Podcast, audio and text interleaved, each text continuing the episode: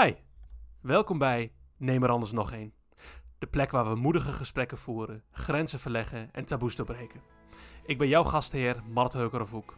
En ik ben hier om samen met jou de stilte te doorbreken, de schaamte te overwinnen en nieuwe perspectieven te ontdekken. In deze podcast verkennen we de onbesproken onderwerpen, bespreken we de moeilijke vragen en omarmen we de ongemakkelijkheid. Want alleen door openhartig te zijn kunnen we groeien, leren en echte verandering teweeg brengen. Dus pak een kopje koffie, pak een kopje thee, leun achterover en laat je meevoeren op een reis van ontdekking en verbinding. Dit is Neem er anders nog één, waar we de anders nog één doorbreken. In deze aflevering heb ik de gast Mout van den Eschert. Eh, Mout is 23 jaar, afstuderend theatermaakster en docenten, geboren en getogen in Enschede, maar woont nu momenteel al drie jaar in Zwolle en studeert als artiest. Ze is gefascineerd door het menselijk denken en gedrag. Eh, verder leest en of schrijft ze vrijwel altijd. Ze is ook iemand die enorm close bij me staat en is in het voorjaar haar eigen podcast begonnen samen met een goede vriendin van haar. Deze podcast heet Vrijpraat, waarin ze seks en seksualiteit bespreekbaar maakt. En in deze aflevering gaan we het hebben over giftige relaties en zelfliefde. Hi. Hoe is het met jou? Goed? Mooi. Ja. Top. Eh, hoe is het met jou? Ja, goed. Lief dat je het vraagt. Ja. ik, kwam, ik vroeg me dat opeens af, hoe je ging. Eh, ik begin eigenlijk altijd al mijn, eh, bij al mijn gasten met de eerstvolgende vraag. En dat is eigenlijk, omdat ik daar ook mee begonnen ben, alcohol gerelateerd en zo. En dat is eigenlijk eh, wanneer je eerste slok alcohol was. Als je je dat nog kan herinneren. Hmm, weet ik eigenlijk niet, omdat ik was best wel braaf. Vergeleken met mijn leeftijdsgenoten dan. Ik weet nog dat rond mijn 15e, 16e ging iedereen een beetje zo naar feestjes. En stiekem drank meesmokkelen en stiekem indrinken en al dat soort dingen. En toen heb ik wel eens een glas gedronken, maar nooit echt eh, heel veel of zo. Ja. Uh, maar ik weet nog wel, toen ik voor de eerste keer zeg maar aangeschoten was, was ik denk ik een jaar of 16. En dat was toch wel bij de pre-eindexamenfeestjes op een middelbare school, dat je meer zo in de bovenbouw komt. En dat, En dat er opeens overal bier staat, dat je denkt, hoe komen jullie aan dit bier? Van, Iedereen, Laten we dit wel proberen. iedereen is 16, weet je wel. Ja. Dus best wel geleidelijk ging Ah, dat. Eh, Misschien klink ik heel oud als ik het zeg, maar jij komt ook nog van de tijd dat je pas vanaf je 18e mocht drinken. Of Ja, niet? Maar dat was, jawel, daar val ik net onder. Ja. Eh, dus dat was ook net zeg maar veranderd. Toen ik een jaar of 15 was, verschoof die grens. Dus iedereen natuurlijk helemaal balen. Want iedereen was... eh, ik heb een paar mensen in mijn omgeving gehad die toen net zo een half jaar mochten drinken. En toen opeens anderhalf jaar niet meer. Mhm. Dat is ook Oh, dat- super raar. Ja, ja, ja, precies. Eh, maar ik had dat net niet meegemaakt. Dus voor mij was de grens al wel 18. Eh, maar ja, in mijn ervaring is het bijna altijd zo dat als je een grens stelt, dat je ongeveer twee jaar voor die grens al een beetje gaat experimenteren. Dus als je dan kijkt dat ik 16 was, dan is dat wel kwam dat op logisch. zich wel mooi uit. Maar had Ja. je er ook al een beetje, nou, zeg maar drang na of iets in die trend? Dat je het al een keer wou proberen, laat maar zeggen? Of had je dat nog niet echt? Nou, niet heel erg of zo. Ik, ik ben toen ook niet, volgens mij, als ik me kan herinneren, volgens mij ook toen niet echt heel erg uit de bocht gevlogen. Ik ben echt pas later in mijn leven dat ik kan denken, god, toen was ik echt wel dronken. Van Jezus. Ja, want ik denk ook wel dat ik het een beetje engig vond. En ik, ik, ik vond het ook allemaal niet zo nodig. En dat hele, ik was ook niet zo van het uitgaan op mijn 16e, 17e. Dus ik was wel rustig of zo. Ik ging wel naar feestjes, maar dan dronk ik eh, een paar glazen en dan was het klaar. Zeg maar. Ja, maar ik denk ook dat het een beetje is omdat hoe vaker je uiteindelijk gaat drinken, hoe comfortabeler het wordt. Waardoor je misschien makkelijker dat soort dingen gaat doen uiteindelijk. Ja, en ik was ook wel redelijk, eh, om mezelf even dan te, te- ik weet niet, te prijzen, I guess. ik was ook wel redelijk verantwoordelijke puber, ook naar mezelf. Ik ben weinig uit de bocht geschoten met dingen. Ja. Dus juist ook met dit soort dingen ik was ook de eerste, ik ben ook het eerste kind en ook een meisje. Dus weet je wel, Wel ik weet niet, voelde ook altijd een beetje naar mijn ouders. Dat ik dacht, ik moet me wel kunnen, ik moet me wel gedragen. Ik was best wel braaf. Dat is een beetje een voorbeeldfunctie misschien. Ja, ook wel een beetje. En ook wel dat zij er dan op rekenen dat ik goed contact met hun hield. Ik dacht, ja, ik kan niet stom dronken nu aan de deur gaan staan. Nee. Of eh, kotsend eh, naar buiten komen de volgende ochtend. nou, niet dat dat nooit gebeurd is, maar meer... Ja, Ja, dat- ik voelde wel dat ik me een beetje moest gedragen rond die Mhm. leeftijd. Ja, nee, ook. Ik denk dat ik wel snap waar je vandaan komt, inderdaad. Nou, omdat je het net ook had over hele leuke kotsende verhalen. Dan is hier gelijk de volgende vraag. Wat is gelijk de gekste nacht en of middag of iets anders Zo. op alcohol? Zo... Ja, ja. Ehm, nou, ik herinner mij sowieso mijn introductieweek op de universiteit. Dat was echt heftig qua eh, dat je gewoon elke dag van de week dronk. Gewoon Mhm. negen dagen achter elkaar. Misschien één keer één dag een pauze. Maar dat mijn lichaam dat ook aankon toen. Ja, ik was toen 17, 18. Toen was ik dus 17. Dat is dus wel erg dat ik dat heb gedaan toen ik 17 was. Maar eh, dat heeft me verbaasd dat ik dat aankon. Mhm. Dat is gewoon heftig. Want dan word je Ja. gewoon in, in- rond vier uur trek je alweer een biertje open. En het gaat tot vier uur s'nachts door. En dan heb je. Nou, dan ben je volgens mij nog steeds niet eens zit je nog niet eens in je brakfase, maar dan ben je nog Ja, je bent gewoon dronken en aan dan ga je gewoon door. het- je gaat gewoon door. Je stelt het nog meer Dus uit. dat is echt super intens, dat ik dat, ik dat heb meegemaakt. Maar meer eh, qua dronkenschap had ik ook altijd dat ik, of nog steeds wel, dat ik me ook nog steeds heel verantwoordelijk voel. Dus ik voel me verantwoordelijk over mijn vrienden. Ik voel me verantwoordelijk dat ik heel hard thuis moet komen. Dat ik nog mensen moet bellen misschien. Dat ik moet fietsen. Dus zelfs daarin ben ik nog best wel Timide. best wel veel overzicht. En ik ben ook iemand die veel dingen onthoudt. Dus ik had nooit blackouts of zo. En alleen toevallig, een van de voorbeelden die ik nu geef aan vrienden met dat ik echt heel dronken was, was dus, dit is heel erg, ik ben nu 23, afgelopen Koningsnacht. Ja, toen was ik dus echt, ik verlies ook nooit mijn evenwicht of zo. Toen was ik echt zo'n soort eh, pinbal eh, eh, balletje in zo'n flipperkast. Ja. Die zo gewoon tussen alle mensen die mij tegen konden houden aan het wankelen was, omdat ik mijn evenwicht niet meer had. En heb je toen ook stukken film gemist, zeg maar? Of dat nog helemaal niet? Toen zijn er wel dingen, nou niet echt weggevallen. Ik herinner me wel de, de, de scope van de avond. Maar ik weet dat waar ik ben geweest. Maar hoe ik precies daar ben gekomen of wie er met mij meeliep, Dat is allemaal dat gone. is er allemaal niet. Het zijn van die highlights die ik nog wel heb. En dat was de eerste ervaring daarin, zeg maar. Dat je dat zo heftig had. Of- Ja, en ook dat mensen echt ook al tegen mij zeiden van... Jij was echt dronken, Mout.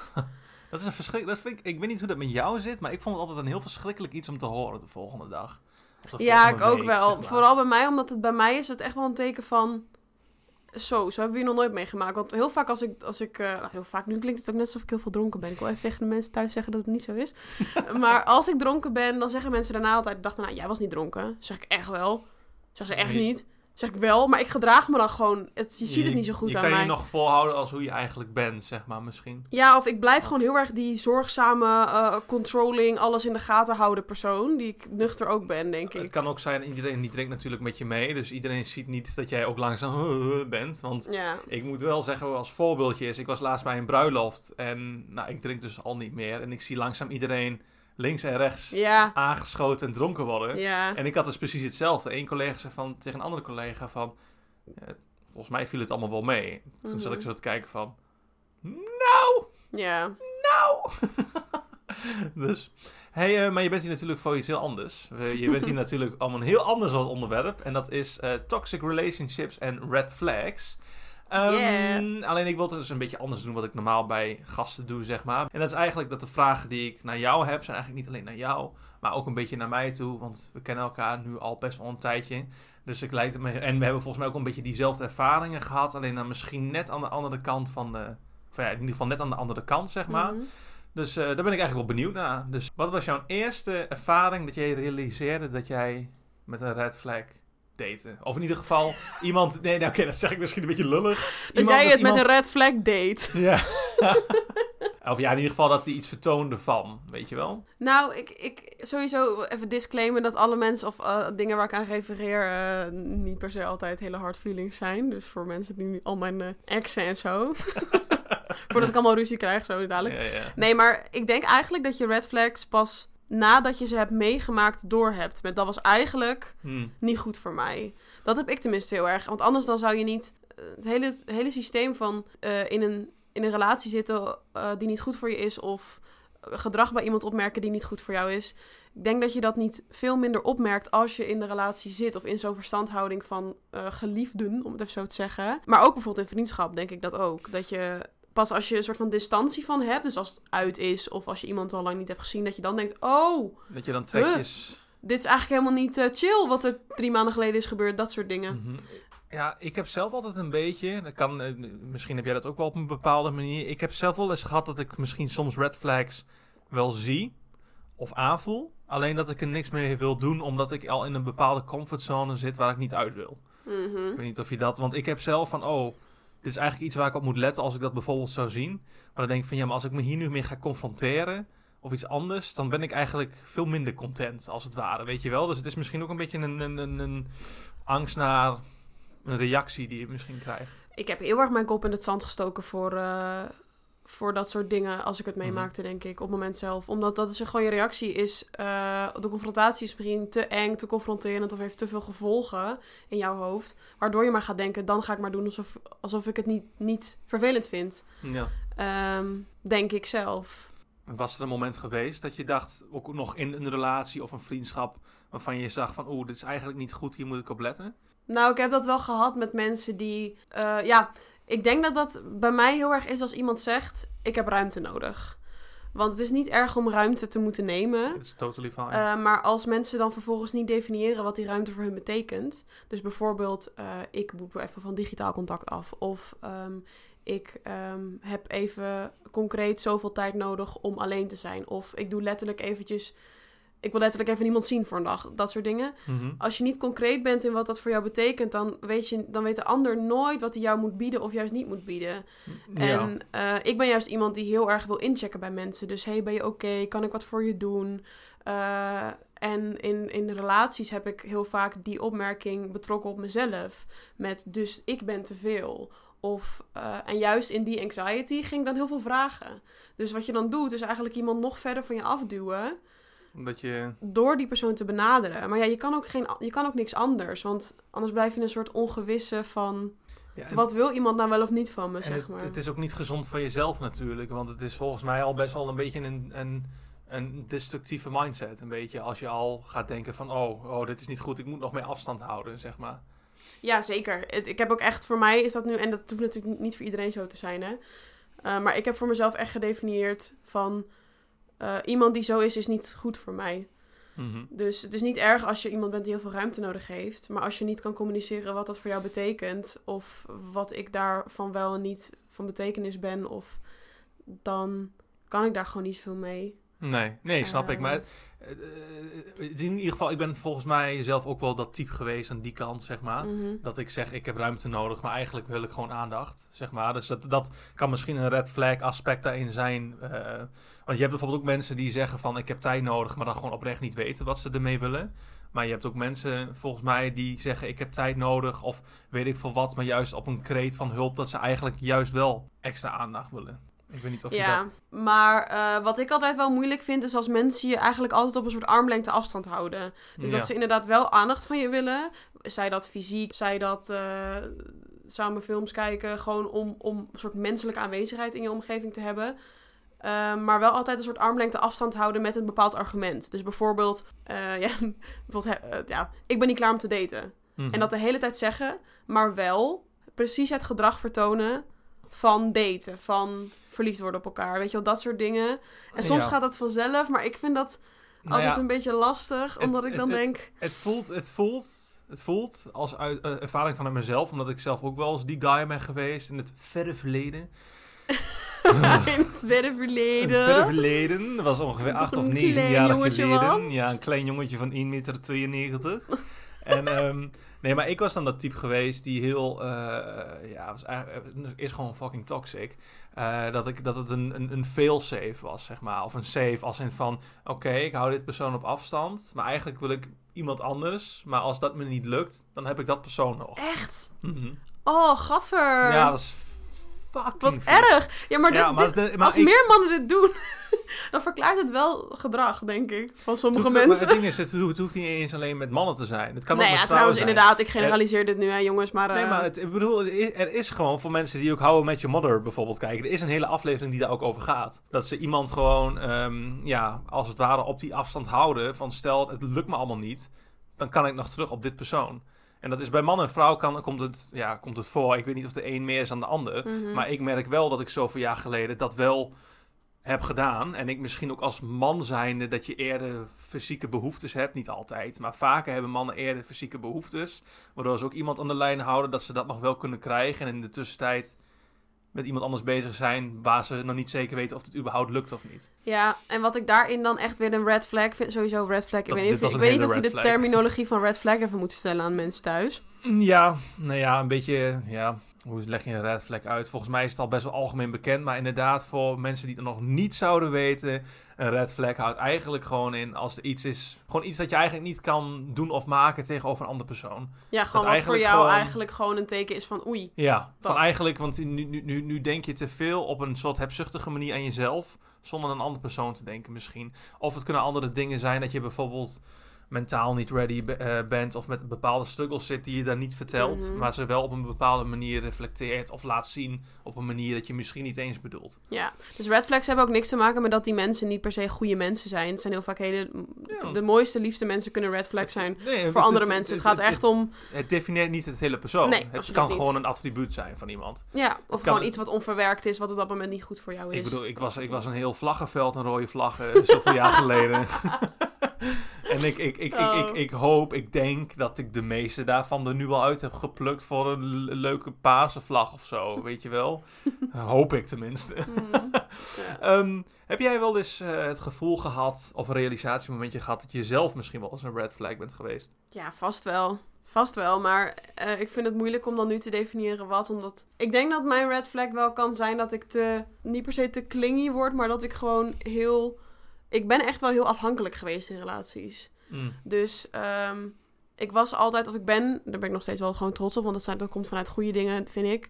Ik ben heel caring en heel erg verzorgend en heel erg, wat kan ik voor jou betekenen en bla bla bla bla bla. En als je dan in relatie zit met mensen die ehm, makkelijker nemen dan geven, dan word je eigenlijk gewoon heel afhankelijk. En dan word je gewoon een soort van, als jij maar gelukkig bent Ja. In een relatie, en dan wordt die relatie totaal niet evenwichtig. Nee, dus dat is ook voor de ander volgens mij heel erg overweldigend. Als je iemand hebt die alleen maar als soort hond achter je aanloopt en zegt, wat kan ik voor jou betekenen? Wat kan ik voor jou zijn? Want jij bent voor mij al alles. Maar dat, ja, maar dat is Dat. ook ver- vervelend van beide kanten. Want als Ja. jij een, verstand, nou verstandig, gewoon een, een gezond persoon bent en iemand zou dat doen, dan zou je ook wel zeggen van, hé, hey, het is oké, denk aan jezelf, weet je wel. En ja, ik heb het gevoel als je zo'n echt zo'n ja, een giver bent en de ander zo'n taker is, als je dan net die combinatie hebt dat de ene veel te veel geeft en de ander veel te veel neemt, ja. je gaat jezelf gewoon hartstikke hard verliezen. ja, en daardoor heel erg over je eigen grenzen laten heen gaan ook. Zeker. En heel erg jezelf verliezen. Het, ehm, ik had dat een keertje door toen ik in een bepaald situation, situationship... Voor de luisteraars wil je even uitleggen wat een Ja, een situationship is. situationship is een situatie-relatie. Amazing story. Situatie, relatie, yeah. Maar ehm, ja, dat is weer zo'n nieuwe term voor iets wat zeg maar geen relatie is, maar ook niet daten en ook niet casual seks. Iets wat ingewikkeld is, zeg maar. Ja, zeg maar de het is ingewikkeld knop op Facebook, dat is een situationship. Ja, precies. Alleen dan ga je het nog niet op Facebook zetten, want Nee. mm, maakt het nog ingewikkelder. Dat vind ik wel heel grappig. Wie doet dat nou, die knop indrukken? Ik snap dat echt Lijkt me niet. Ik- hilarisch. ja, maar ik weet je, het enige waar ik Facebook momenteel nog voor gebruik is af en toe een profielplaatje veranderen voor likes.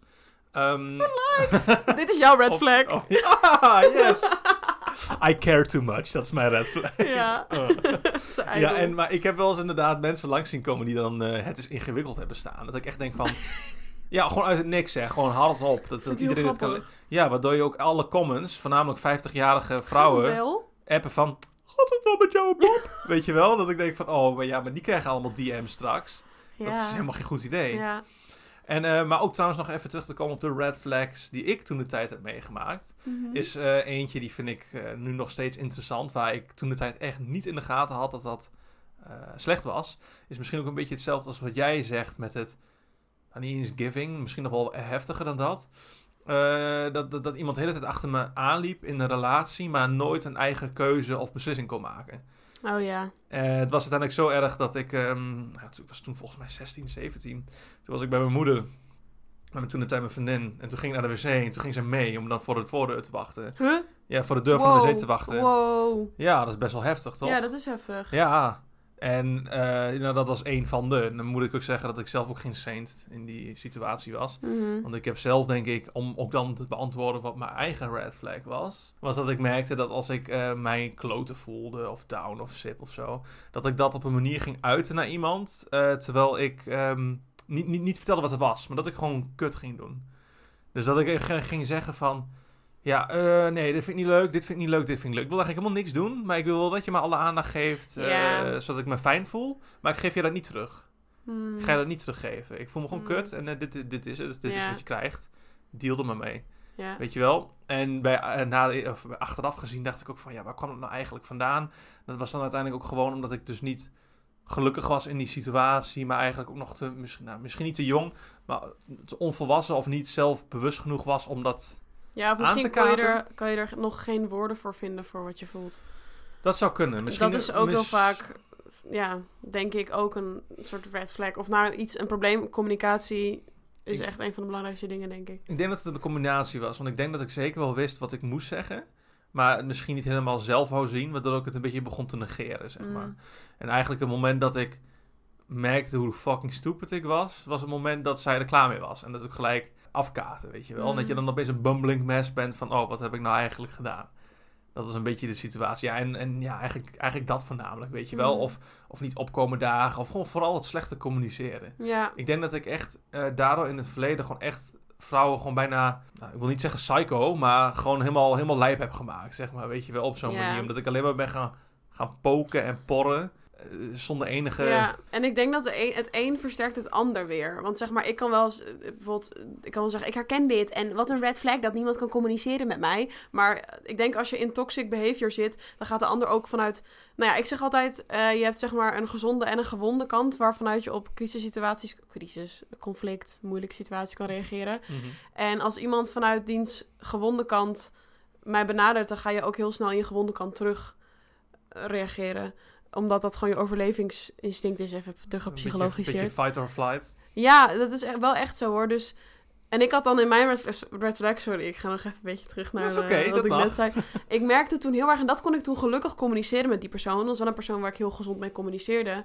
Toen zei ik, ik merk dat ik weer iemand word, eh, want dat herken ik dan uit echte relaties. Ik merk dat ik weer iemand word die ik helemaal niet ben. Want ik merk dan dat ik heel eh, paniekerig word, dat ik constant eh, bevestiging van die persoon wil. Dat ik die persoon constant wil appen of zo. En niet per se geobsedeerd, maar meer zo bang dat het elk moment zo uit mijn handen kan vallen. Of elk Ja. moment kan knappen. Alle Mhm. kleine dingen die ik doe. Bijna een soort schaakspel. Dat elke zet die je kan maken een verkeerde zet kan zijn. Elke, ja. En als ik dat gevoel heb bij iemand, dan is die persoon gewoon niet goed voor me, vind Nee, ik. want dan, dan- ja, ik zou me veilig natuurlijk. moeten voelen, toch, in een ja, relatie. in dus, plaats van dat je een, een set zet en de tien mogelijkheden zijn van dat je sch- schaakmat gezet wordt, zeg maar. Ja, en dat is niet per se omdat die persoon zo'n verschrikkelijk persoon is, maar meer... Ik zei toen ook van, ik merk weer dat ik iemand word die ik helemaal echt achter mij heb willen laten.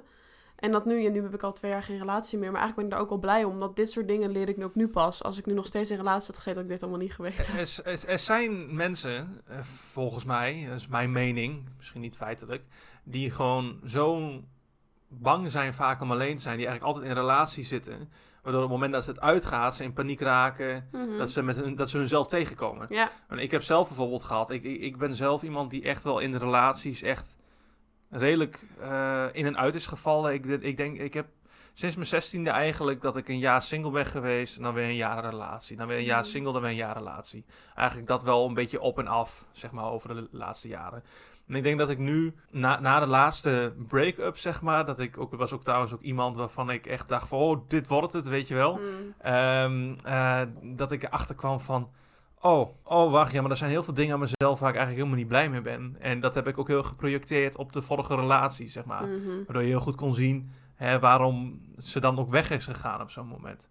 Want eh, een van de dingen waar ik niet blij om was, was mijn drankgebruik. Eh, Weet je, dat is een van de dingen. Mhm. En het moment dat realiseerde ik me pas toen, toen ze weg was. Ja, Want ik heb, ehm, ik heb gewoon heel vaak dat ik gewoon een kater had of me slecht voelde en gewoon geen dingen wou doen. Ik wil helemaal geen activiteiten doen. Mm. Dat is zo super sad. Ja. Ik wou, eh, ze altijd hele leuke dingen doen, ik wou niks. En het is ook is- heel makkelijk om in een relatie niet met jezelf bezig te hoeven zijn. Want je bent altijd al met een ander. Je bent je Ja. altijd letterlijk aan het verhouden tot een ander. Dus je kan heel makkelijk projecteren, maar dat is wel een extreme vorm. Maar je kan ook heel makkelijk gewoon eh, dat een soort van aan de kant schuiven. Omdat je, je wordt niet geconfronteerd, ja, op een andere manier. Maar je wordt niet direct geconfronteerd met jezelf. Omdat er altijd iemand is om aan te spiegelen, denk ik. Klopt. Dus pas als je alleen bent, dan, dan denk je echt, wow. Je- je- je- Ik, ik heb echt het gevoel gehad dat ik mezelf weer, dat was ook hetzelfde eigenlijk met het stoppen van alcohol, dat is best wel overlapt met, met elkaar. Dat ik mezelf even weer moest rewiren om gewoon een bezigheid te hebben, om mezelf goed en fijn te voelen met mezelf op dat moment, in Ja. het moment. Want dat is moeilijker dan, dan veel mensen En denken. dat is een ontzettende zoektocht. Zeker. dat, dat is ook echt, dat moet ik echt niet onderschat worden. Maar ik denk wel dat het heel goed is om, zeg maar, alleen te zijn. Ik was echt een van mijn... Dit was wel een goeie, eigenlijk een goede red flag van mij. Of is, was, ik ben, ik ben aan het werk. Om hem ora- hij is al momenteel oranje. Hopelijk wordt hij Oh, groen. Fijn. Oh, we gaan de Ja. goede kant op. Is dat, ehm, ik kon echt niet alleen zijn. Nee. Dat was het ook. Mhm. Eh, en dat, dat had dan ook weer te maken met de eerdere red flags die ik heb genoemd over mezelf. En omdat ik nu zoveel mezelf ook wel echt heb geforceerd om alleen te zijn, maar ook, ik heb ook therapie gehad en ik heb met mensen over gehad. En soms ook gewoon letterlijk dingen laten zijn. Want ik had altijd het gevoel, er moet iets gebeuren. Ik moet productief zijn, ik moet het leuk hebben, ik moet iets van mijn leven maken of zo. En ook als je dat allemaal laat varen, dan kan je veel beter alleen zijn. Want dan kan je ook veel beter luisteren naar, goh, ik heb vanmiddag niks te doen. Eh, wat, eh, wat gaan we eigenlijk doen vandaag? Nou, maar even een wandeling maken. Weet je wel, dan kan je ja. zo beter naar jezelf letterlijk luisteren eigenlijk. Ja, en dat is ook inderdaad heel goed. Want er zijn eh, gewoon echt momenten geweest, dat, ook bij mezelf moet ik zeggen, dat je dan thuis zit en denkt, ik heb FOMO, hebben de fear of missing out voor alles momenteel. En ik weet niet Mm. eens waarvoor. Ja, Maar gewoon omdat ik opeens alleen ben. En dan denk ik van, en dit is trouwens ook wel een beetje een, misschien een mannendingetje dan, weet ik niet zeker. Dat ik echt heb van, ik moet iemand naast me hebben en ik moet fysiek contact hebben op een bepaalde seksuele manier. Want anders dan win ik het niet in het leven. oh. Ja, dat is best wel gek. Ik weet niet of jij dat überhaupt die kant kent. Nou, ik denk ook wel dat, ik denk dat ook wel dat zeg maar vrouwelijk, of nou ja, ik ben, ik identificeer me als vrouw, maar dat dat ook wel onderschat wordt hoor, dat je ook, dat, dat wij ook gewoon fysiek contact nodig Ja, hebben. maar- zeggen. Ja, tuurlijk. Dat, dat, dat Ehm, zou altijd zo zijn. Maar Ja, nou ja, wel, ik herken het ook wel denk ik, misschien op een andere manier, maar ja. ik heb soms ook wel gewoon, dat is heel stommer, maar soms ook wel, dan zit je alleen en dan denk je, ik wil gewoon iemand, nu maakt niet zo heel, heel veel uit wie er naast me ligt, ja, of ja. maar ja. ik wil gewoon eventjes iemand knuffelen of even iemand aankijken of even een Zo, soort klankbord hebben of zo. Gewoon even dat je een shit day hebt. Ja, en dat is even- natuurlijk heel fijn aan een vaste relatie, want dan is die persoon zogenaamd natuurlijk er altijd. Ja, Ehm, maar ja, dat, is, dat- dat is niet waar, maar meer dat is dan Mm, wat je denkt van een Het, het, het is meer, ja, nou, maar dat is ook wel, eh, dat vind ik persoonlijk wel het belangrijkste als je eenmaal een vaste relatie ook begint. Dat je dus inderdaad content en blij met jezelf bent. Ik denk dat ik, ik weet niet, jij zegt dat je zelf ook aan het werken bent momenteel met eh, hoe je bent en wie je bent daarin. Mhm. Ik heb bijvoorbeeld na, eh, het is nu ongeveer een anderhalf jaar geleden denk ik, dat ik door dat allemaal mee te maken hebben, dat ik dan echt aan mezelf ben gaan werken, waardoor ik nu juist een gevoel heb van, oh, als ik nu zou daten, dan ben ik echt, dan wil ik geen schouderklop aan mezelf geven, maar ik weet zeker dat ik echt een killer boyfriend zou zijn, weet je wel? Ja, Dat ik nu echt weet waar ik mee bezig ben. ja. Terwijl ik eh, nog, geen, nog geen twee jaar geleden eigenlijk precies dat niet was, weet je Mm. wel? Ik weet niet hoe jij daarin staat of jij je daarin kan vinden, maar Nou, ik, ik denk wel dat ik nu op een, op een plek zit waarin ik veel beter mijn grens zou kunnen communiceren. En ook wel, het ding was, ik liet altijd zo dusdanig eigenlijk mijn dingen, ik liet mijn dingen overkomen. Dus meer, eh, ik, ik was eigenlijk zo passief altijd in dat soort dingen, dat op een gegeven moment ik misschien al wel drie, vier maanden ergens niet blij mee was, maar ik liet mezelf dumpen. Snap je wat ik bedoel? In plaats van dat ik vier maanden eerder al had kunnen zeggen: hey, ik ben er niet blij mee, kunnen we hier misschien aan werken? Liet ik het maar gewoon gebeuren totdat ik.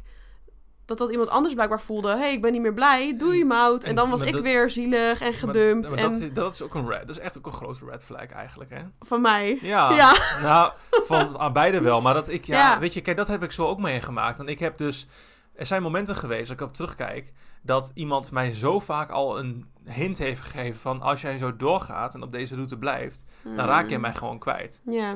Ehm, en dat moment kwam er uiteindelijk ook, dat ze ook gewoon echt, ik moest het toen wel een beetje uithalen van, hey, wil je dit überhaupt nog? Dat uiteindelijk gewoon dus een hele stille, treurige nee uitkwam. En voor mij was het dus heel veel verwerking, maar zij had het al verwerkt. Zij was al lang klaar Ja. eigenlijk.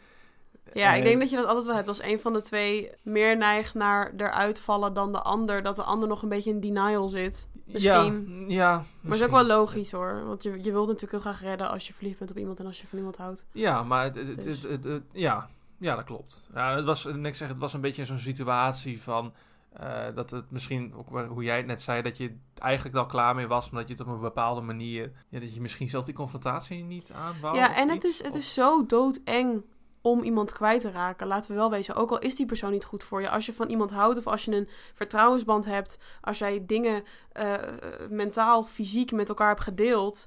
Ben ik van mening, je bent dan al...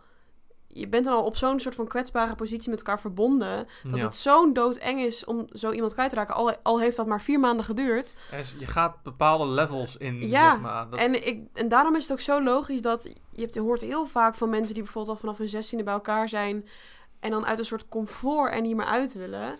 Omdat, maar ik snap dat ook, want als je echt met iemand bent oud geworden en ehm, dan is het zo doodeng om die persoon kwijt te raken, ook al zou je niet meer verliefd zijn op die persoon, omdat die persoon die weet alles van jou. er Die, zitten heel veel lagen in. ja, die is jouw jouw eerste aanknopingspunt voor alles. Dus ik snap ergens vind ik het altijd heel eh, soort van jammer om te zien dat sommige mensen heel lang in zo'n relatie blijven en Ik- er eigenlijk uit moeten. Ik, ja. Maar ik snap het ook of zo. Ja, ik snap het, maar ik vind het inderdaad ook een beetje dubbel. Want ik heb bij mezelf zo, en dat is niet alleen voor relaties, maar eigenlijk met alles wel in het leven, vind ik, dat heel veel mensen zich comfortabel voelen, maar eigenlijk niet per se gelukkig zijn. Maar omdat ze het Mm. allemaal kennen, blijven ze erin zitten. Dat is echt, dat is echt het ding. Het is, het is comfort en niet dat comfort willen verliezen. Ja. Wat ook heel erg logisch is, want dat is ook weer een beetje... Ik redeneer dit allemaal terug naar de overlevingsmechanismen. Ja, Lekker psychologiseren. maar het is allemaal... Dat is ook allemaal weer terug te redeneren naar... Dit is veilig. ja. Dit, gaat, dit doet me allemaal geen pijn. Dit is de status quo. Ik weet precies hoe het op deze manier werkt. En ook maar een manier waarop dat wankel wordt... is dan gewoon heel eng. Ja, en, maar zoals ik zeg, en het hoeft ook niet alleen met relaties te zijn. Een heel Mhm. mooi voorbeeldje is bij mij, ik heb negen jaar in de horeca gezeten. En ik heb eigenlijk, na, eh, eigenlijk begon ik met een tussenjaar. Ik begon met een tussenjaar horeca, omdat ik niet wist wat ik wou in mijn leven. Mhm. En na dat jaar dacht ik van, oh, maar ik kan gewoon horeca doordoen. Dit is leuk. Nu, nu de eerste week was trouwens ook doodeng. Maar na zo'n jaar was ik, oh, dit is eigenlijk prima. En toen heb ik mezelf die, al die jaren voorgenomen van, ja, maar ik kan niks anders. Dit is het gewoon. En wat moet ik überhaupt... wa- Wat kan ik überhaupt anders doen als ik hier uitga? Wat in hemelsnaam moet ik in mijn leven doen? Ja. En ik denk, ik heb het gevoel dat het dus niet alleen met werk is, maar dus ook net zo met relaties. Wa- waar ben ik zonder... Ik, ik woon samen met haar als voorbeeldje. Hè? Ik woon samen met haar. Ik kan hier niet uit. Hoe moet, hoe moet dat überhaupt? Ik kan hier gewoon net zo Ja. goed in blijven. En dat is dus met, en dat dus ook als hè, hand in hand met hoe, met hoe dat met werk ook zit. Ik kan nooit meer over nu gaan studeren. Ik ken dat helemaal niet meer. Ja. Hoe de hemelsnaam moet ik studeren? Wat is een boek? Weet je? Dat, eh, Wat zijn letters? ja, maar dat, ja en, en zo zie ik dat in een relatie ook. Ik, Ja. zie, ik heb soms echt wel mensen gezien die, ehm, die nu 30 zijn en op hun 16e samen waren. En, dat, en, eh, ik, ik heb het gevoel dat het ook een beetje in een, een, een, een generatieding kan zijn. Want ken je een beetje dat, die, die, die, die, ehm, ja, die, die 50-plus humor vaak is dat van kerels die, die zitten te haten over een vrouw. En dat ze dat cool vinden en zo. Ken je dat? Mhm. Dat ze zeggen van, oh, oh, mijn vrouw is eh, thuis Ja, en eh, ja. is kut. Ja. Eigenlijk heel kort Ja, van die cabaretier, eh 50-plus cabaretier. Ja, ja, nou bijvoorbeeld, of gewoon, weet je, ik, en ik zeg, ik heb in de horeca gewerkt, ik heb zat, vaak zat mannen aan de bar gehad die in een eentje waren drinken, waarvan ja. de vrouw belde en ik Oh, hun ja. gezicht gewoon weg zie vallen. Dat ik denk van, ja, Echt maar, zo'n filmvoorbeeld. Ja, Dat zo iemand aan de bar komt, eh mag een dubbele whisky en dan... eh, ja, dubbele whisky en eh, extra depressie, alsjeblieft. En- ja, maar, maar, dat- maar dat, dat is echt zo. En dan kijk ik daarna en denk van, ja, maar jij bent dus echt zo'n voorbeeld, dat jij, jij bent samen met iemand gegaan waar je eigenlijk helemaal niet blij mee was, maar huisje, boompje, beestje moet je hebben, dus blijf hier maar in. Dit, dit is het voor je en ga maar niet verder zoeken. Ja, en dat is zo zonde. Ja, maar ik heb het gevoel dat het ook een beetje dus een generatieding is. En dat we nu ook een beetje hm. in de generatie zitten dat we daar nu langzaam een beetje uit pro- proberen. Weet ik niet zeker, maar daar een beetje uit, uitvallen misschien. En dan heb ik het nogmaals niet alleen over relaties, maar ook over de werksfeer, zeg maar. Ja, ik denk sowieso wel dat we in een, in een dat onze generatie meer is van eh, ontwikkel jezelf, weet je wel. Yeah. Voel wat je zelf wil. Yeah. Lees de flow en drink gemberthee. Yeah! Eh, en eh, stem op GroenLinks. Dat... Dit is, ik, ben, ik heb gewoon net mezelf omschreven. Eh, maar goed. Oh, we, gaan het niet politi- we gaan het niet politiek Nee, we gaan het niet over politieke partijen hebben. Ik- Volgens mij zitten wij heel erg in de generatie van eh, zelfontplooiing. Dat kan ook Ja. heftig zijn. Want daardoor heb je soms het gevoel van onze generatie dat je altijd maar beter moet worden dan je bent. Waarin ook. Eh, weet je wel, dus dat je zit thuis en dat je dus het gevoel hebt, ik moet iets doen. Dat is volgens mij ook heel erg onze generatie. Dat, ja, Van, ik moet nuttig is- zijn, ik moet, eh, ik moet vette shit maken, ik Ja. moet eh, iets uitvinden. Mhm. Ik moet opeens eh, investeren in bitcoin, weet ik veel. Dus ja, ja, ja, al dat die prikkels beste en keuze al die- mijn leven. Red flag. Ja, Ehm, oh, red flag is als een kerel op de eerste date over aandelen en crypto begint. Ik heb ooit een keer een date met iemand gehad die begon over NFT's. Nou, ik kon me echt doodschieten. Ik weet niet wat het zijn. Oh, dan vertel ik je na de aflevering wel. Voor mensen die luisteren en weten wat een NFT is. Ik weet het zeker, die cringe enorm hard momenteel. 100%. Nou ja, anyway, met die zelfontplooiing generatie, dat je daardoor ook altijd aan het bevragen bent of je wel gelukkig bent. En dat is ergens heel goed. Uh, maar ergens kan je daardoor dus ook eigenlijk een heel onrustig leven gaan leiden. Met niks is dus goed en alles moet beter. En elke relatie moet beter. En Ja, ze jij gaan bent uiteindelijk... het net niet. En Het gaat uiteindelijk echt meer om waar ze terecht moeten komen. Dat ze eigenlijk niet meer geïnteresseerd zijn in, in de, de journey zelf. ja. En ik denk oprecht ook nog wel dat er ook echt wel mensen zijn van onze generatie die het ook gewoon prima vinden hoor. Huisje, boompje, beestje. En Ja, zeker. Ik heb dat- 24ste een kind en zo. En dat is geen judgment daarnaar. Maar meer, ik kan mezelf ook niet voorstellen hoe dat is. Ik zie dat ook niet voor me of zo. Ik, ik, herin, ik herken me wel eerder in die, in het eerste voorbeeld. Van Maar- het, eh, oh, oh, waar, waar haal ik het, waar haal ik alles vandaan, zeg maar. Ik, ik moet zeggen, ik heb er zelf denk ik een beetje een, een, een, een tweestrijd in. Want ik heb nu zelf wel dat ik heel erg bezig ben met zelfontplooien en echt, echt mezelf opzoeken. Vooral dus het laatste jaar. Mhm.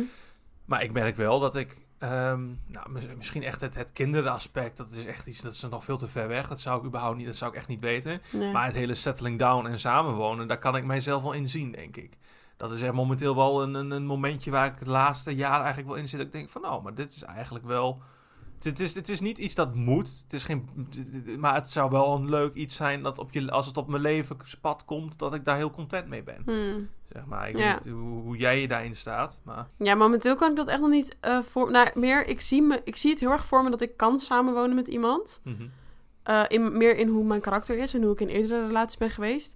Eh, maar momenteel zie ik dat echt niet. Maar dat is ook gewoon omdat ik ben nu met niemand aan het daten. Ik ben op niemand verliefd. Ik, ehm, ik wil dat soort dingen. Dat zijn echt voorwaarden voor mij. Ik ga echt pas de, even de huisje, boompje, beestje kant op, om het zo te zeggen. Als ik ook echt dat met de persoon die ik tegenkom wil. Niet omdat het van mezelf moet. Niet omdat ik denk, nou, nu wordt het wel eens tijd voor kinderen, Mout. Ja, nou, Nu wordt het wel eens tijd voor een huismout. Ik wil dat echt pas als ik een persoon bij me heb waarvan ik denk, ik wil met jou oud worden. En Ik wil met bedoelt. jou dit en dit en dit. En ik zeg Ja. dit terwijl ik 23 ben en iedereen gaat... Nee, ik hoor, nee, ik hoor alle Gerda's van 60 al. Dat ben je jong, kind! Nee, nee, maar je haalt me de woorden uit de mond. Ik denk Ja. precies hetzelfde hoor. Want ik zeg, het lijkt me, ik heb nu een beetje het idee dat het me leuk lijkt om iemand samen te wonen. Mhm. Maar dat heeft meer te maken met dat ik daar klaar voor ben. Ehm, maar zoals ik zeg, dat kinderaspect en wat dan ook. En trouwen en al dat soort dingen. Eigenlijk die cliché dingetjes. Daar heb ik helemaal niet over nagedacht. Omdat ik niet iemand op mijn pad heb waarmee ik dat zou kunnen doen, zeg maar. Of, die, of gewoon al dat soort romantische activiteiten en zo. Ja. Klinkt allemaal wel leuk. Maar het is niet iets waar ik over nadenk. Omdat ik zo'n persoon niet tegen ben gekomen. Ik vind zelf ook een kind krijgen, maken, adopteren. Ik vind het allemaal dingen dat eh, in mijn, in mijn optiek in ieder geval heel leuk lijkt. Je bent dan met iemand samen en omdat je zoveel liefde samen hebt, dat je merkt dat je klaar bent om samen ehm, voor iets nieuws te zorgen, zeg maar. En dat kan in de vorm van een kind zijn.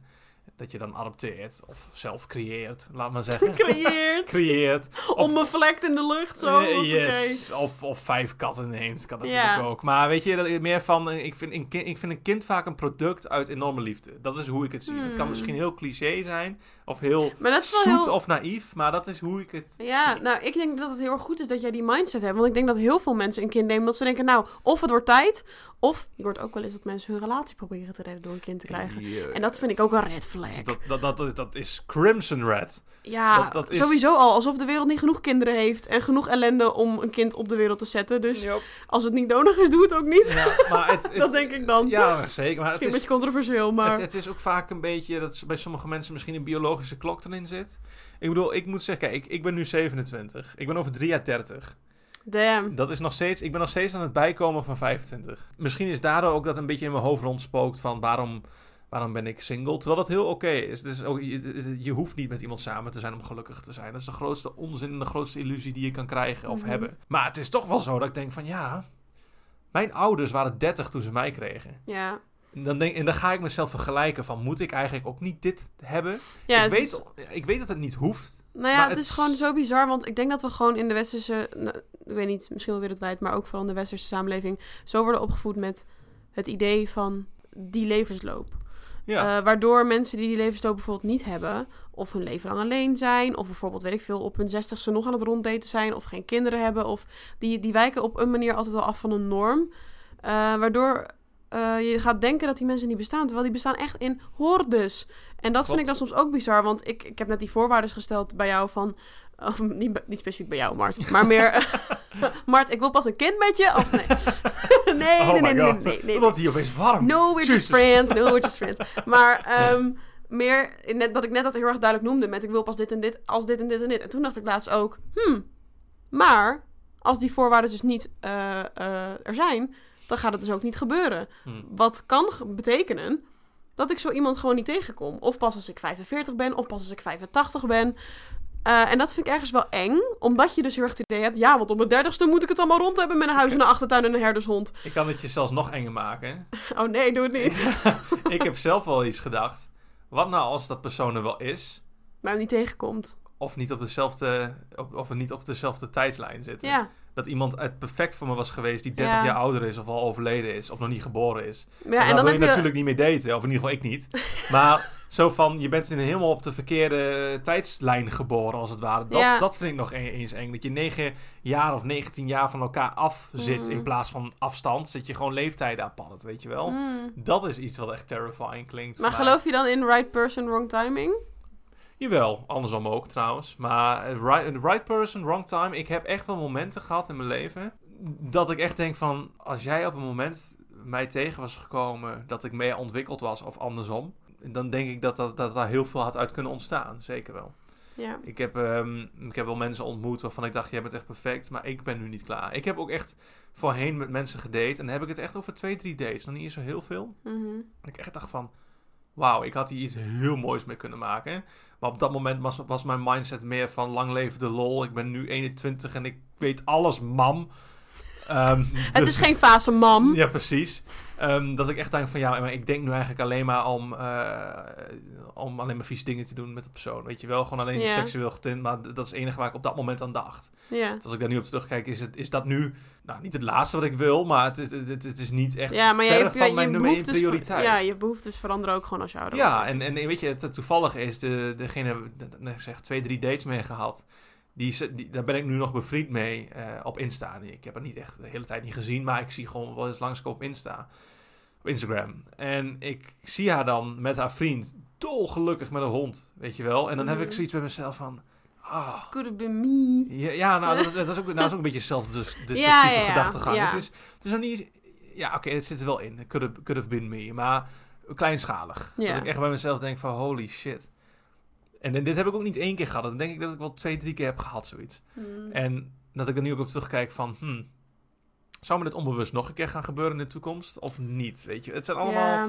van die... Ja, ik heb ook wel echt een soort van tevreden leren hebben zelf met daarin. Dat soort dingen vind ik altijd ook wel lastig en zuur en zo. Maar ik, ik ben ook iets meer, ja, misschien omdat ik ook iets spiritueler ben geworden over de jaren heen. Maar dat ik ook echt iets meer in, niet per se het lot ben gaan geloven. Maar meer wel met de, als het zo had moeten zijn, was het gebeurd. Ik heb mij... Dat, Of dat, zo. En als het dus niet gebeurt, dan hoort het ook niet te gebeuren. Ik heb dat, dat weet je, ik ben, nog, ik ben zelf niet heel spiritueel, maar ik Mhm. geloof toch wel, er, wel in dat soort dingen.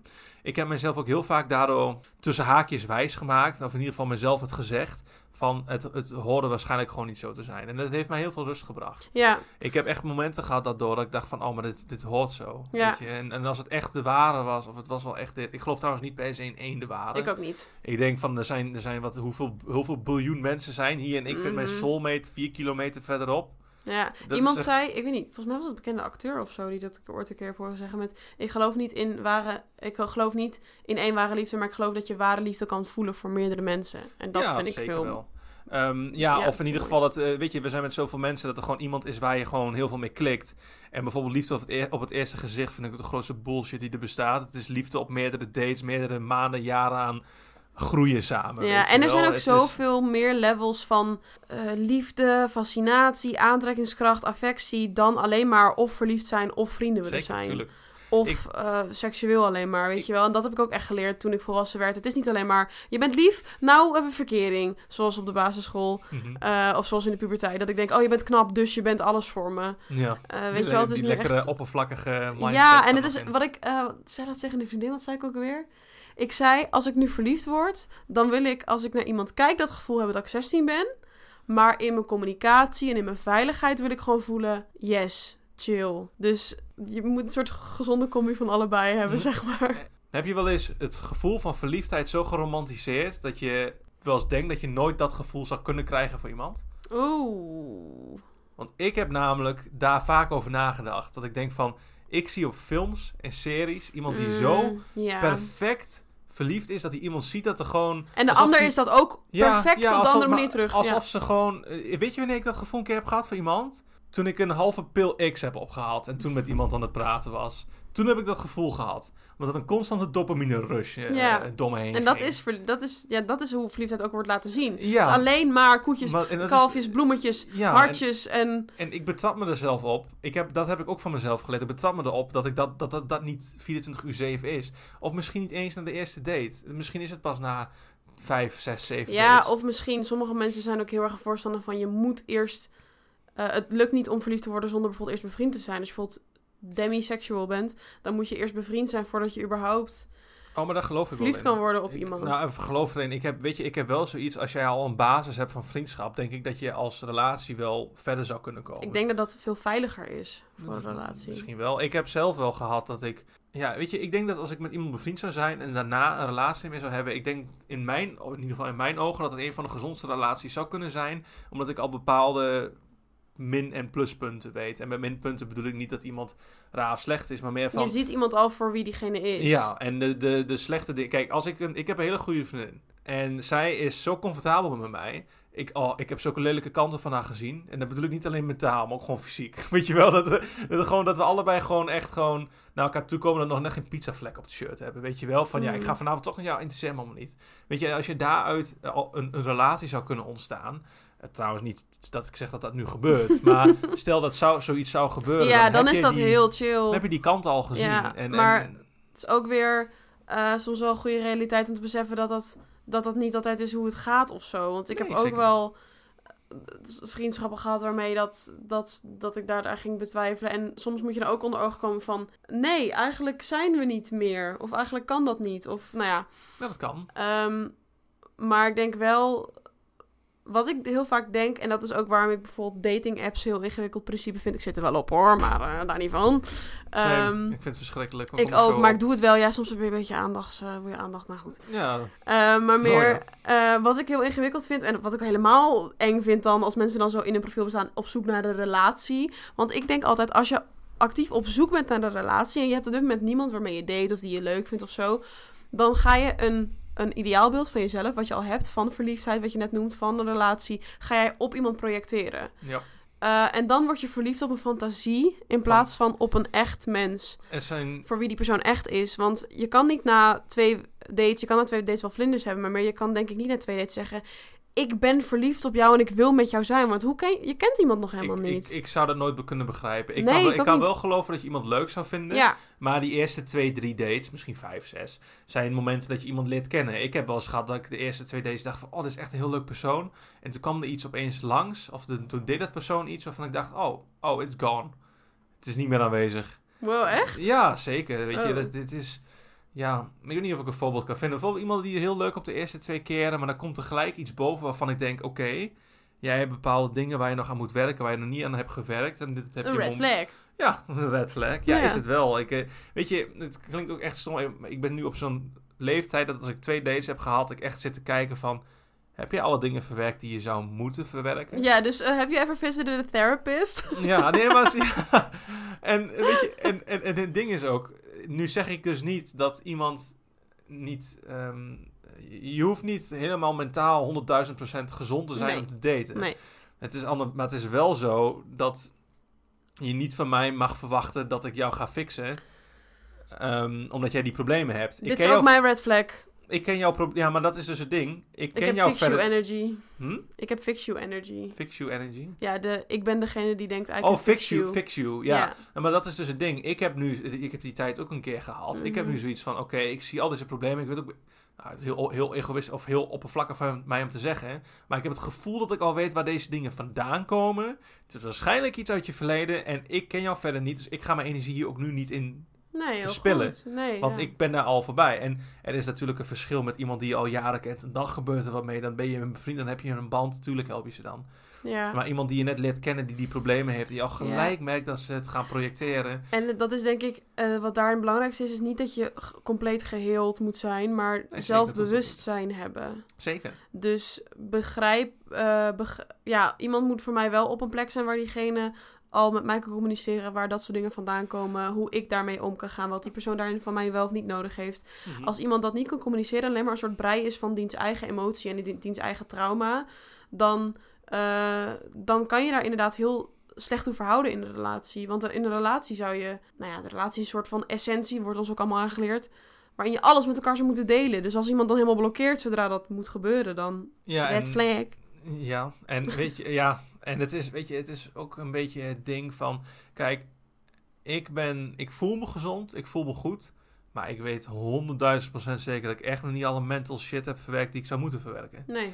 Ding is, ik weet wel dat ik klaar ben voor daten en ik weet bijvoorbeeld dat, stel er komt zo'n red flag, zo'n irritatie, iets in me omhoog, dan, geef, dan kaart ik dat gelijk aan, dan vertel ik dat gelijk. Ja, en dat, het is supergoed dat je dat Ja. dan inderdaad juist kan communiceren in plaats van op voor jezelf houden en opkroppen. Ik heb nu wel gehad dat er momenten zijn dat ik ehm, dat mijn een, een goede vriend van mij vroeg van, hey, gaat het? En ik zo, nee, niet echt. Maar het gaat straks wel weer. Ik heb even tijd voor mezelf nodig. Ik zeg, Mhm. laat me gewoon even voor de komende week of twee verder niks met jou te maken. Ik merk gewoon dat ik even in mezelf moet zijn en even met mijn eigen routine bezig ben. Ja. En als het goed gaat, dan meld ik het wel weer. Want ik merk ook, ik weet niet of jij dat kent, als ik mij niet goed voel, of iemand die, die, die, die, die zegt dat, of die ziet dat, dat het niet goed gaat. Ik merk dat als iemand me dat vraagt of me confronteert, dat ik ook gelijk een fight or flight krijg. Of ik ga Mm. mijzelf wegzetten van het gesprek, of ik word heel boos. Hmm. Dat is iets dat ik merk dat ik. eh, het leuke is, dat was dus ook waar het wat terugkwam in de vorige relaties waar ik over had. Dat ik dat, dat gekke ging doen. Daar ben ik dus nu achter gekomen. Alleen ik merk nu, als ik dat gevoel heb, dat ik het gelijk op tafel gooi dat ik dat voel. Waardoor mensen het gelijk begrijpen. Ja. Dat ik letterlijk zeg van, hé, hey, ik voel me boos. Niet om jou, maar omdat ik zelf gewoon niet weet hoe ik dit moet verwerken. Dat, Dus- maar dat is zo goed in het moment benoemen wat je voelt. Want dat doen Mhm. wij, wij als mens zijnde, eigenlijk nooit. nee. Omdat we zo sociaal geconditioneerd zijn met dit is geen wenselijk gedrag. Ja, precies. of eh, dit moeten moet je nu altijd- eigenlijk niet zeggen. Of altijd- ook als ik je maar niet beledig. Al dat soort dingen. Eh, Mhm. terwijl het zo gezond is om terwijl die persoon nog naast je zit, te zeggen wat op dat moment met je gebeurt. Terwijl dat heel moeilijk is. En ik ben even aan het psychologiseren. Maar ik heb dat ook weer geleerd in een bepaalde vriendschap. Iemand die gewoon heel erg aan mij zag dat ik dat heel erg mezelf constant censureren. Dus alles wat in mijn hoofd gebeurde ging eerst door een soort filter. En daarna kwam het pas uit mijn mond. Eh, en de- toen zei die persoon echt tegen mij: Waar denk je nu aan? En dan blokkeerde ik en dan zei hij: Zeg maar gewoon. Want ik ga je niet voordelen over wat, je nu zegt. Eh, wat ik ervan vind en zo, dat komt later allemaal wel. Maar zeg maar gewoon wat, je, wat, er, nu, in- wat er nu in je hoofd zit. Ja, en het Dat heeft me is- heel erg geholpen. Om in het moment te kunnen erkennen... ik ben nu bijvoorbeeld verdrietig of ik ben nu boos. En dan hoef je inderdaad te zeggen... het ligt niet aan jou. Weet je wel, het is niet dat, dat jij iets verkeerd hebt gedaan. Maar ik wil gewoon even met je delen hoe ik hier nu zit. Ja, en maar dat is ook dus heel belangrijk. Want ik merk, ik weet niet of jij dat hebt, maar ik merk gelijk wanneer iemand dat malende is of dat terughoudende is. Je merkt gelijk een tone Ja. shift, je merkt die druk in de lucht. En ik word daar heel naar van. Ja, als, ja, als, ik merk, goed als, als, als, als ik merk dat iemand opeens terugklapt. En, maar dat persoon vertelt niet wat er aan de hand is. Ten eerste gaan mijn eigen onzekerheden omhoog komen. En denk ik van shit, ik ben hier de klootzak. Ik heb wat gedaan, wat heb ik gedaan? wat Oh, is de mis? nee. Dat gaat er dan gebeuren. Ja. In combina- combinatie met andere dingen. Ik wil gelijk dat persoon kunnen helpen op dat moment. Dat kan dus niet, omdat dat persoon niks zegt. Toen dacht en dat was ook een realisatiemoment dat ik dacht van, oh, maar dit gaat iemand anders ook voelen. Ik heb het gevoel dat mensen soms niet in de gaten hebben dat iedereen best wel hetzelfde is op heel veel vlakken. Ik heb het gevoel dat heel veel mensen soms niet in de gaten hebben dat andere mensen dezelfde soort patronen kunnen bedenken als jezelf. Dat is, er is een term voor in de psychologie, die ben ik even kwijt. Maar dat, dat is eigenlijk een term uit de puberteit. Eh, dat pubers altijd, niet altijd, maar meer dat pubers heel sterk het gevoel hebben van... ik ben de enige op de wereld die deze emoties doormaakt. Er is niemand zoals ik. Nobody would understand me, mama. Weet je wel zo? Terwijl precies dat gevoel hebben alle pubers op dat moment. Ja. Dat is een beetje wat jij ook zegt. Het hele idee van dat je inderdaad alleen bent in je struggle, in je gevoel, in je... Terwijl dat juist, dat, dat is zo universeel en zo menselijk. Maar we hebben gewoon nog niet heel erg de taal om dat met elkaar te delen of zo. Sommige mensen proberen het te vormen in een podcast. Ja. dus. Ja, omdat, ja nee, maar dat, dat, is wel, dat is wel zo. Ik heb op, het is mij opgevallen dat ik... Dan maak je er een podcast van, inderdaad. Ja, nee, maar, ik, ik, ik- ja, maar een, heel, een heel mooi voorbeeldje is... Ik heb wel eens hele ehm, spirituele thee gedronken. Eh, waar ik eh, vijf uur van heb genoten. En door deze thee...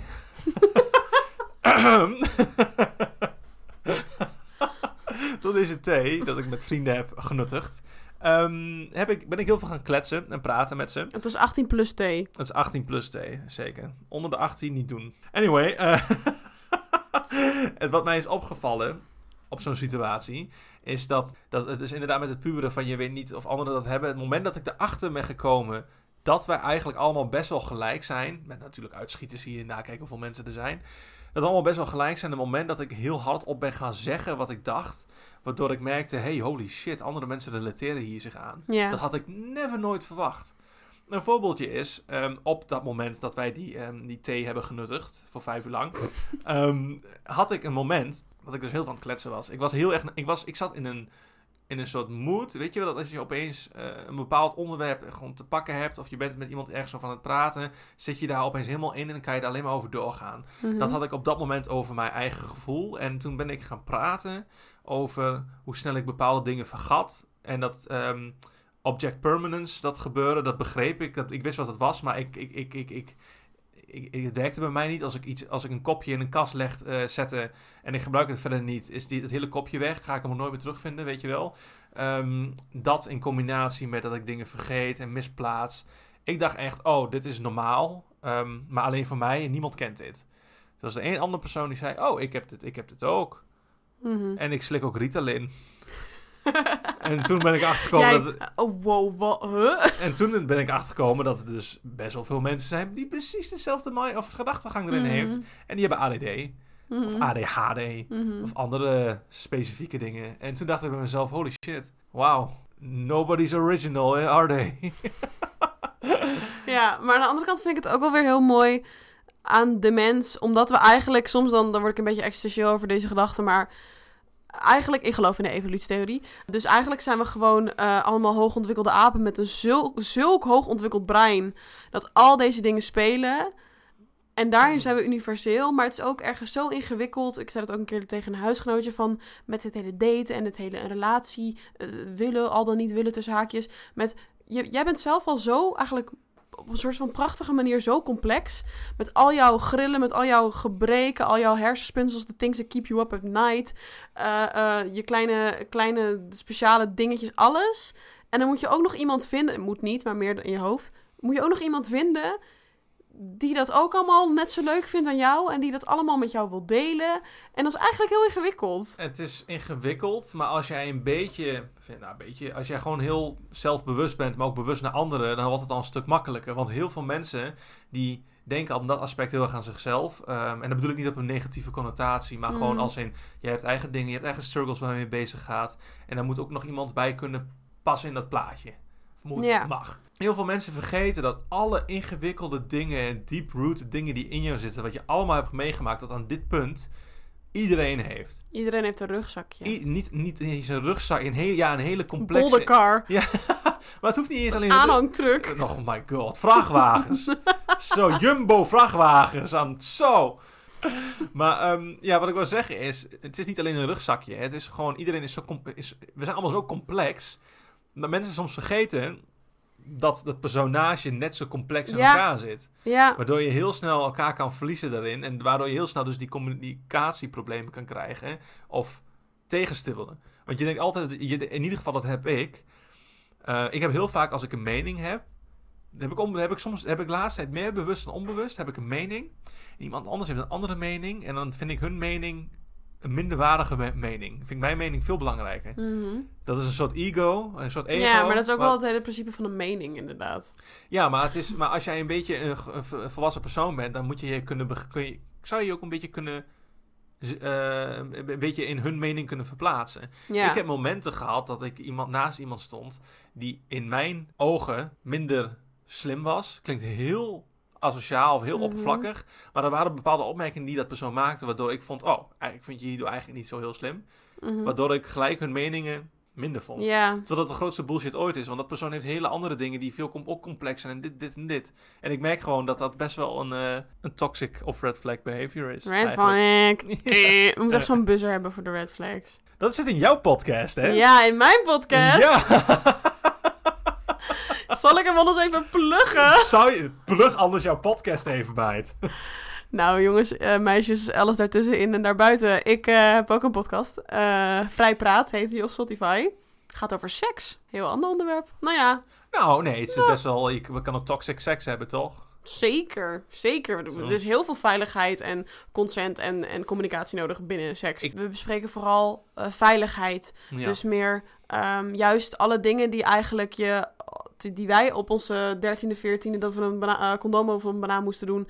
Dat we alles wat we daarbuiten niet hebben gehoord en niet hebben geleerd. Waarvan we nu als jongvolwassen vrouwen denken: Jeetje, nou als iemand me dit had gezegd toen ik 15 was. Dat soort dingen bespreken we met elkaar. Dus ook de grappen en leuke dingen en de, de knullige dingen. En alle dingen die je niet in films ziet. En nou ja, Mhm. wat seks in de echte wereld is Ja, eigenlijk. Ja, je maakt het meer gegrond. Want het is inderdaad zo... Ik heb dan ook gewoon natuurlijk wat afleveringen van jou geluisterd. en eh, je doet het met iemand samen, toch? Ja, met eh, een van mijn vriendinnen en klasgenoten is mee. Ja, en ehm, wat ik ook inderdaad, ehm, ik heb een paar afleveringen geluisterd. En ik heb mij, z- mijn gevoel bij die afleveringen is zo alle kanten op geschoten. Maar er waren zoveel dingen waar ik het zo 100.000 procent niet in kon vinden. En andere dus weer wel. En Hmm. wat ik daar merkte, dacht ik van... Oh, maar dat is echt super interessant en grappig en leuk. Dat je zoveel, daarin zoveel variatie hebt. En hoeveel dingen er aan licht komen. Waardoor zoveel mensen zich aan bepaalde elementen aan kunnen relateren, zeg maar. Er zijn echt momenten geweest dat ik echt dacht van... Huh? Hmm. En er waren momenten geweest dat ik dacht van... Oh ja, nou je weet je, als ik 16 was en je me dit nu formaat gemaakt... Dan was ik al een, was ik al een heel stuk verder. Nice. Ja, en we zijn ook maar, we zijn ook maar twee cis eh, vrouwen die dat zeggen. Hè? Dus we hebben ook nu, vanaf nu beginnen we ook met gasten. Dus Mart, misschien zie ik jou wel weer een keer. Nou, wat lief. bij mij. Zo. misschien mensen. Ja. Als dat gebeurt, dan eh ga ik het wel even op alle socials gooien. Zeker. Maar ehm, ja, we hebben ook absoluut meer perspectieven nodig dan alleen die van ons twee. Want wij zijn gewoon twee cisgender vrouwen. Met Ja. voornamelijk alleen maar ervaring met cisgender mannen. Dus dat is Mhm. best wel heteronormatief beeld. Dus we spreken ook steeds meer mensen uit de, eh, uit de queer community. Uit de, eh, die eh, eh, gender divers zijn. Die seksualiteit divers zijn. Dus al dat soort En dingen. dat is in het algemeen denk ik interessant voor mensen van buitenaf. Want ik heb bijvoorbeeld, ik weet echt niks als het gaat over genderneutraal en alles in die trend. Ik heb wel Mhm. een keer met iemand erover gesproken. Maar eigenlijk ben ik er niet heel veel slimmer op geworden. Omdat het, het was heel, een heel basisgesprek, zeg maar. Weet je wel wat, Mhm. wat eh pronouns zijn en al dat soort dingetjes. Mhm. Maar dat is dus wel interessant dat je dat dan ook straks gaat krijgen. Ja. Lijkt mij. Nog even terug te komen op het hele eh, toxic gebeuren. Oh nee, insert toxic van Britney Spears. Hoe is jouw ervaring met gaslighting? Oh my god. Gaslight Gatekeep Girlboss. Wat is gaslighting? Moet je even uitleggen.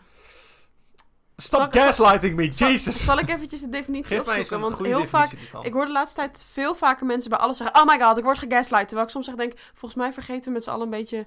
Volgens wat mij de echte ze, betekenis nou verwarren is. sommige mensen gaslighten met een mening. Bij gaslighting verdraait iemand de waarheid om zo een ander steeds meer aan zichzelf te laten twijfelen. Dit geeft macht. Hoe, onzeker het slachtoffer, hoe onzekerder het slachtoffer is, hoe meer hij of zij vertrouwt op en afhankelijk voor wordt van de gaslighter. Dus het is een bewuste vorm van manipulatie. Ehm, is nu he- heel veel manipulatie eigenlijk niet bewust? Nou, dat vind, dat vind ik dus niet. Want ik wilde, ik wilde hierna gaan zeggen van... eh, ik denk, iedereen wordt wel eens gegaslight. Of gaslight een ander wel eens. Zonder bewust te denken, ik ga jou manipuleren. Ik heb een beetje hoe jij het achteraf zei met relaties. Denk ik dat ik achteraf achter ben gekomen dat ik enorm aan het gaslighten ben geweest. Echt? In het verleden, ja, 100%. Oeh. Ja, nee, maar dat komt... Ja, het was een beetje een, een, een, een, gaslight tegen gaslight ding, denk ik. Ik heb inderdaad echt in, het- in het verleden gehad... Ik had het gehad over de communicatie, hoe slecht die was. Mhm. Dat dat persoon boos werd, dat ik niet kwam. Mhm. Of dat ik het vergeten was. Of, of wat dan ook. Mhm. Dat, dat, dat hij dan boos werd. En waardoor ik ging zeggen, ja, maar dit is niet mijn fout. eh, want, eh, want jij woont niet in de buurt. Weet je wel? Dat is wel gaslight, ja. Dat zoiets. Dat is ook gelijk een mooi voorbeeld inderdaad. En waardoor dat persoon obviously gewoon bozer werd. Van, geef gewoon toe dat je het fout zat. In plaats van dat ik Ja. toegaf, ging ik het zo omdraaien dat het haar fout was. Ja, een vorm van gaslight is bijvoorbeeld ook eh, iemand heel erg overstuur maken zelf en daarna zeggen: Ja, maar jij bent altijd zo snel overstuur. Dat is gaslight, omdat Ja. je eigenlijk iets wat jouw schuld is, de schuld van de ander maakt. ja. Maar ik denk gelukkig genoeg op. In die vorm heb ik dat niet veel meegemaakt. Nee, ik heb eerder gewoon gebrek aan communicatie meegemaakt of dat soort dingen. Dus daar ben ik wel heel blij mee. Ja, snap ik. Ehm, nou, het is ik misschien- hoop niet dat ik dat ooit heb gedaan. Vast wel een keer, maar ik hoop het niet.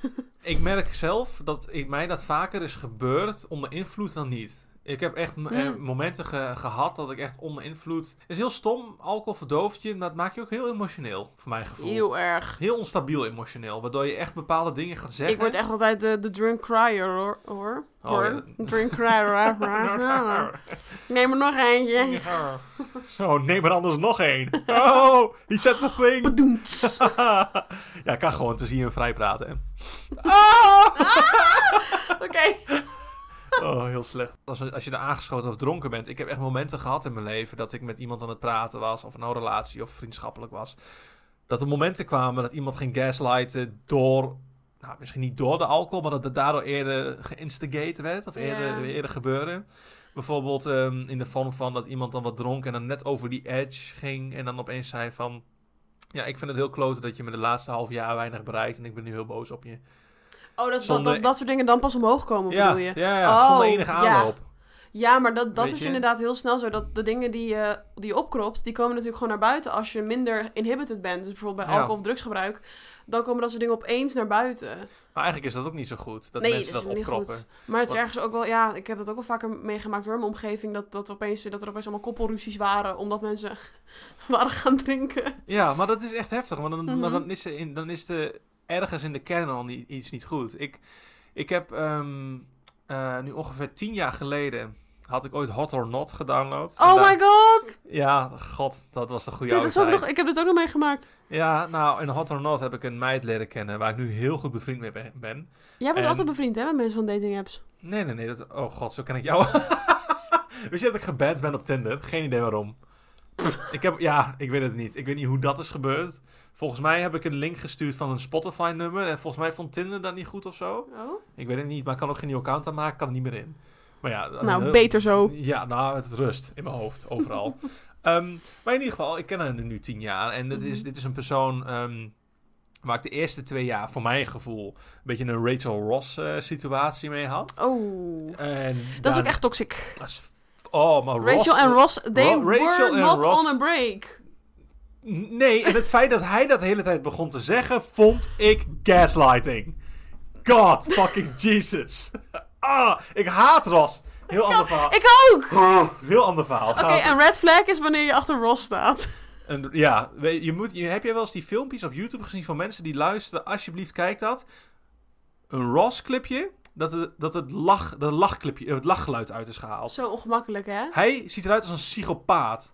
Hij is gestoord.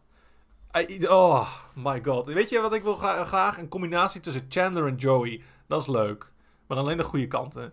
Ik ben helemaal aan het sidetracken. Ehm, ik ga weer terug naar mijn originele pointe. Waar ik heen wil gaan. Die ik ook alweer kwijt ben. Ehm, dat... Ah, Die vriendin van Hot or Not. Ja, dank je. ja, zij. Alsjeblieft. Ehm, ja, nou, die ken ik dus al tien jaar. Inderdaad, de eerste twee jaar eh, Rachel Ross situatie. Uiteindelijk is dat langzaam ontwikkeld naar gewoon echt een vriendschap. Mhm. Eh, dat soms gezelliger is en soms niet. En ehm, soms dan spreken we elkaar. Ja, dat, ja dat, dat, dat, dat is ook een, een relatie in de vorm van vriendschap natuurlijk. Ehm, en soms zijn we dat we elkaar bijna elke maand hebben gezien. En soms hebben we elkaar Mhm. een half jaar niet gezien. En ik heb haar nu al een jaar, bijna een anderhalf jaar al niet meer gezien. Oeh. En zij heeft mij toevallig laatst gebeld. Zij en ik, dat is heel, dat is heel interessant om te zien. In die tien jaar zijn we allebei heel veel veranderd. veranderd Mhm. maar wel allebei dezelfde kant op gegroeid. Mhm. Dus zij heeft mij laatst gebeld en zegt... Mart, ik wil je graag in mijn leven. Ik merk dat ik daar ook echt behoefte aan heb. Ik merk alleen dat jij de laatste tijd wat meer afwezig bent. Zou jij daar een beetje op kunnen letten? En wil je überhaupt nog wel... Wil je me überhaupt nog wel zien? Ik een Heel beetje- goed dat ze dat is vraagt. heel goed. Ja. Ehm, want ik was een beetje gechoqueerd. Want ik heb dat soms niet... Ik heb dat niet in de gaten. Mhm. Als ik met een, een, een, een vriend of een vriendin niet bezig ben op dat moment, gewoon qua contact en wat dan ook, kan ik het heel erg verwateren onbewust, omdat ik gewoon zo erg met mijn eigen hachie bezig ben. Waardoor ik denk van, oh shit, eigenlijk moet ik dit persoon weer eens een keer contacten, of eigenlijk dit of dat. En niet per se omdat ik het van mezelf, dat het moet, het is ook niet een moedgevoel, maar meer omdat ik het wil en ik eigenlijk dat persoon heel erg mis, weet je wel. En ehm, ehm, eh, ja, mijn punt eigenlijk was dus dat ik heel erg merk dat het, dat het echt heel fijn is als iemand dat zo duidelijk communiceert. Ja. Ja. Want als dat niet was en ze het zou opkroppen, dan zouden we of heel sad, maar gebeurt heel vaak natuurlijk, dat het gewoon verwatert en je elkaar uiteindelijk niet meer spreekt. Ja. Of dat het een dikke explosie uit elkaar gaat. Ja. En uit elkaar als vriendschap. Ja, en, en ook ehm, met zowel vrienden als met, met, met meer dan dat of, of romantische interesse merk ik zo erg. Alle mensen waar ik nu geen, eh, geen vervelend gevoel bij heb, of pijn bij voel, of wrok, of gemis, of dat het ingewikkeld is als de naam wordt genoemd, of ik het gezicht zie.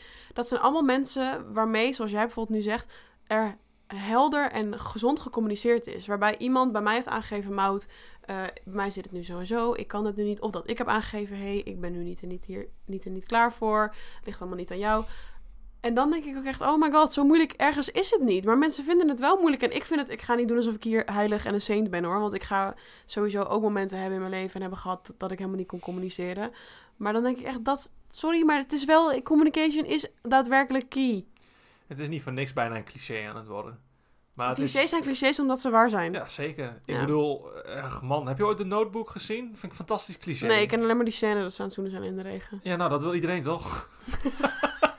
dat is een hele film. Ik wil wel graag op de voor op een boot zijn en dat iemand mij dan zo van achteren vasthoudt en zo. Dus Ik wil dus ook dat iemand me op die manier van achteren vasthoudt. Nice. Ja, vooral omdat ik 1,92 ben en dan wil ik iemand van 1,50 dat doet. Dat je het hele persoon niet meer ziet. Cute. Zullen we naar Ameland volgende Ja. week?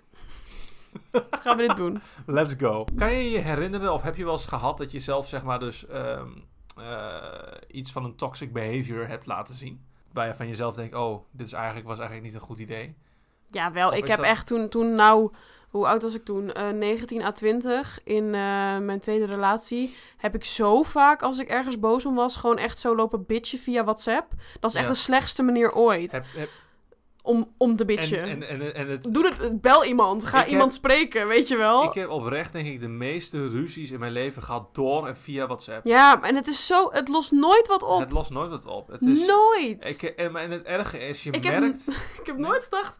Nou, wat fijn dat we hier uit zijn gekomen met z'n tweeën. Na drie uur elkaar boos appen. En heb je ook wel eens dat je terwijl je aan het appt, of terwijl je appt en je zinnen opmaakt en verstuurt, dat je eigenlijk denkt: Wauw, waar ben ik mee bezig? Heb je dat wel eens gehad? Ja, maar het sowieso de communicatie via WhatsApp is zo gek. En het is ook een soort van stoken. En een soort van Het voelt als gaslighting. elkaar echt ophitsen op een slechte manier. Ja. En nou ja, in ieder geval, ik, ik, dat was wel echt toxic behavior. Soms, als ik dat dan, soms dan word ik sentimenteel, dan ga ik dingen teruglezen. En soms denk ik echt, nou mout. Wat Het- ben je nou aan het en, doen? en heb je ook wel eens dat je dan zo in de focus ligt van hoe jij dingen zegt en stuurt, dat je niet eens meer leest wat de andere persoon heeft. Ja, het is dan echt een soort van... Dat is ook het ding. Je hoeft elkaar niet laat, te laten uitpraten Nee. in... Ik laat je ook niet uitpraten nu, maar Dat ik is ben gewoon ook een beetje Ik ben van je gewend. Ja, sorry. Maar Als meer... we maar niet door elkaar praten. Oh, nee, nee, nee, fijn. ik vind het zo fijn dat we niet met elkaar praten, Bart. Haha, flip flop. Ah, nou, Oké, maar wat is mijn punt nou? Dat weet ik niet meer. Jij neemt mij echt mee in jouw ADHD, ADD eh, associatieve staat. Je, je, hoeft elkaar niet te laten uitpraten op WhatsApp. Dat is het. Ja. Je kan gewoon inderdaad letterlijk berichten niet lezen. En alleen maar je eigen, eigen woorden dumpen. En Klopt. daardoor ben ik ook veel meer fan van of bellen of desnoods een spraakmemo. Want, want dan kan je iemands stem horen en iemands intonatie horen. Ik, ben ik het, het ja en nee. Maar het moment dat ik met iemand aan het typen ben, en het gaat allemaal door elkaar heen en het is toxic en ik zie opeens is aan het opnemen, dan wordt het er niet beter van. Nee, dan inderdaad niet. dan maar meer... echt- dan moet je bellen, want uiteindelijk dan ga je alsnog niet een tweezijdige conversatie hebben, Nee. je ergens aan het luisteren bent. Nee, Maar ik snap wel wat je bedoelt. Je, Dus, je hoort eh, meer gevoel ja. in de stem. ja. Dus eh, via dat, dat heb ik echt wel geleerd toen ik ook volwassener werd of nog steeds aan het worden ben. Ik denk dat we dat Eh, allemaal constant nog zijn. digitale vorm van communicatie is vaak niet echt bevorderend voor een probleem. Wow. Kunnen we denk ik wel stellen. Ja, zeker. Ik bedoel, zoals ik eerder zei, het hele... Ja, weet je, WhatsApp is gewoon niet goed voor dat soort problemen. Het zijn eh, gewoon alleen al een simpele telefoongesprek is zoveel beter. Want ik heb zo vaak dat ik iets heb gestuurd met een bepaald gevoel erbij. Wat iemand helemaal niet op diezelfde manier opvat. Waardoor ik denk van, oh ja, maar dat persoon heeft helemaal niet de toon gehoord. De emotie, het gevoel. Want er zijn twee... Je, je kan twee zinnen zo anders opvatten, zeg maar. Zo van, oh, ik heb vandaag op je gewacht. Of, oh, ik heb vandaag op je gewacht. Weet je wel, dat zijn twee... Het is dezelfde zin. Heel vreemd. Ja, Ja, en, en weet je... Dat, hmm, mm. ja. bel elkaar als je ruzie hebt. ja, of zoek elkaar gewoon op. Punt. Of maak het uit. Nee, dat is Nee! niet. Gaslight elkaar. Yes, weet- queen! Ik wil, ik, ik, ik, wil de, ik wil de Rachel van mijn Ros hebben. Heb je wel eens verslavingen meegemaakt in relaties of dates? Nee, gelukkig Ja, niet. Ja, nee, maar nee, gelukkig niet. niet. Nee, ik heb wel meegemaakt dat eh, bijvoorbeeld, mm, dat is geen verslaving, maar meer dat ik bijvoorbeeld niet heel erg blij was met iemands alcoholgebruik of met iemands eh, rookgedrag of dat soort dingen. Maar dat is ook ingewikkeld en het voelt soms hypocriet, want ik ben ook gewoon nog steeds een, een, een jongvolwassene die af en toe drinkt en af en toe rookt en zo. Maar Er is een verschil met af en Het is met mate. ja, nou ja, je hebt, ik heb wel, je hebt wel eens de situatie dat bijvoorbeeld eh, je, je significant other is veel meer dronken dan jij. En dat is dan gewoon heel vervelend soms. Er zijn momenten dat je echt het gevoel hebt, misschien vooral dan bij jou, omdat je dat eerder al zei, dat je dan nog meer het gevoel hebt, moet hebben van controle. Of nou, dat zeg ik verkeerd. Het gevoel moet hebben dat je op iemand moet beschermen, omdat je merkt dat dat persoon meer dronken is dan jou. Misschien is dat helemaal. Ja, nou niet per se, maar ik heb ook wel gewoon in de tijd dat ik studeerde, ehm, ik studeer nog steeds, maar mijn vorige studie was dat gewoon heel erg een ding. zuipen. Ja. En v- ik zat ook bij een vereniging, weet je wel. Dus dan heb je dat soort Daar dingen. gaat het meestal met de En verenigingen. toen, toen, toen realiseerde ik me ook dat de hoedanigheid waarin ik toen mijn toenmalige vriend had ontmoet, was ook heel erg die hoedanigheid. Met altijd feestjes en altijd drinken. En nu zou ik dat gewoon niet meer willen. Dat is het meer. Nee, Niet, ja, Dus voordat ik nu ga zeggen, het is totaal niet dat iemand hier alcoholist was, maar meer gewoon nee, dat hij je- heel erg in een cultuur zit waar alcohol een onderdeel van is. Dat wel. En misschien je, ontmoet elkaar ook op een bepaalde levensfase. Ja, en dat was toen allemaal nieuw voor mij en spannend. En Mhm. eh woe! Ja, en Dus het is ook heel logisch dat ik daar toen in mee ben gegaan. Zeker. Nou, kijk, en als dat te lang doorgaat, wordt het uiteindelijk gewoon een beetje sad. Maar dat is weer iets anders. Stel voor, je zit nog steeds in diezelfde situatie zeven jaar later. Van dat... Nee, wij hadden nu op dit moment echt niet meer bij elkaar gepast, nee. Nee, nou ja, maar dat, en dat is oké. Ja, bedoel, zo is alleen, hem oké. alleen inderdaad, want kijk, ik heb dat dan ook meegemaakt met de verslaving. Alleen dan was ik het probleem. Mhm. Weet je wel, dat ik echt dacht van holy shit. Ik heb toen ook dat, dat, dat, dat ik gewoon doorzoop terwijl het persoon naast me eigenlijk helemaal geen alcohol met gehad. En ik eh, nog kotsend naar de wc ging, weet je wel. Dat zijn echt, en waardoor ik nu ook, waardoor nu ik ook denk van, oh, ik zou eigenlijk nooit zelf met zo'n persoon kunnen daten. Mhm. En al helemaal dus nu niet met, ehm, ja, met ja, verslavingen. Ik vind dat ook wel een beetje een zwaar beladen woord, moet ik zeggen. Ja, Want als iemand elk weekend drinkt, ja. kan vervelend zijn als je daarmee date en het zelf niet doet. Maar ja, het ligt heel erg aan de levensfase waar je denk ik in zit, waar je behoefte aan hebt. ja, Maar het heeft denk ik sowieso te maken met, en ik heb het dan ook alweer via mensen gehoord die bijvoorbeeld wel dit soort ervaringen hebben. Als je, als je heel erg sterk afhankelijk bent van iets, sigaretten, drugs, eh, alcohol, eh, en in die hoedanigheid met iemand bent, dan ben je volgens mij ook een beetje kwijt wie je bent zonder dat. het is... En dat ehm, is jouw relatie, jouw partner misschien ook wel. Die weet misschien ook wel helemaal niet wie jij bent zonder alcohol of zo, snap je? nee, en dat- ik denk dat dat vooral heftig is in relaties. Het is heel vaak, of nou heel vaak, als jij allebei veel drinkt. Ik heb die situatie ook meegemaakt toen ik in de horeca zat. En daar met Mhm. iemand daten die dan ook veel drinkt, want je zit allebei in de horeca. Ja. Dat je elkaar eigenlijk alleen maar kent onder invloed. Ja, Of als kateren zijnde, zeg maar. mm, ja. Waardoor je elkaar eigenlijk nooit op een gezonde manier hebt ge- leren kennen. Ik heb jou ook wel verteld dat toen ik gestopt was met alcohol, dat die eerste twee maanden gewoon niet fijn waren, omdat ik niet wist wat ik moest doen in mijn leven. Ehm, maar dat kan dus ook inderdaad zijn met een relatie. En dat is trouwens misschien ook een heel interessant gast om te hebben op jouw podcast. Ehm heb ik toevallig laatst ook weer op een andere podcast gehoord. Dat mensen die gestopt zijn met drinken, jarenlang alleen maar seks hebben gehad onder invloed. Ah. En dan heb ik het, en dan heb ik het over. Het hoeft niet se aangeschoten te zijn, maar gewoon onder een paar drankjes. Ja, dat dat, je, dat dat je minimum is om... eh, Ja, en dan het hoeft dan niet eens per se de reden te zijn dat je per se zegt: ik moet eerst een paar biertjes voordat ik seks ga hebben. mhm. Het is vaak gewoon dat mensen dan pas meer zin hebben of het anders niet interessant vinden. Heel veel mensen relateren alcohol vaak aan leuke dingen. Weet je, toen ik nog dronk. Ja, snap ik ja, wel. want toen ja. ik nog dronk, dacht ik van ja, weet je, oh we gaan bowlen. Er moet wel biertjes bij. Ja, maar we- eerlijk, wij hebben ook wel de eerste keren dat wij elkaar zagen toen wij met elkaar omgingen, volgens mij ook elke keer alcohol gedronken Ja. samen. Klopt. De eerste paar keren. Toen we Terwijl elkaar het helemaal geen dates waren of zo, maar gewoon Nee, het was gewoon van oh. drankje oh, doen. Ja, Ja, maar misschien ook om dan een beetje de druk te verminderen. ja of zo, want ja, toen ik. kennen we elkaar nog niet zo heel goed, dus het is dan ook natuurlijk spannend. Dus dan, ja.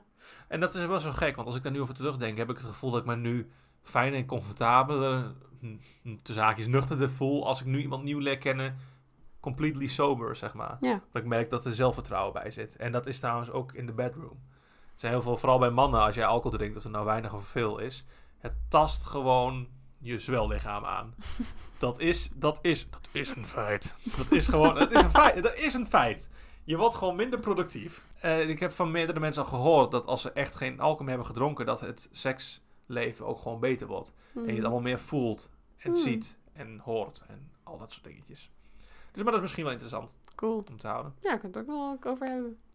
Om ehm, het een beetje aan de positievere kant af te sluiten, heb ik nog een paar laatste leuke vragen voor je. Leuk. Wat vind je echt een hele grote green flag?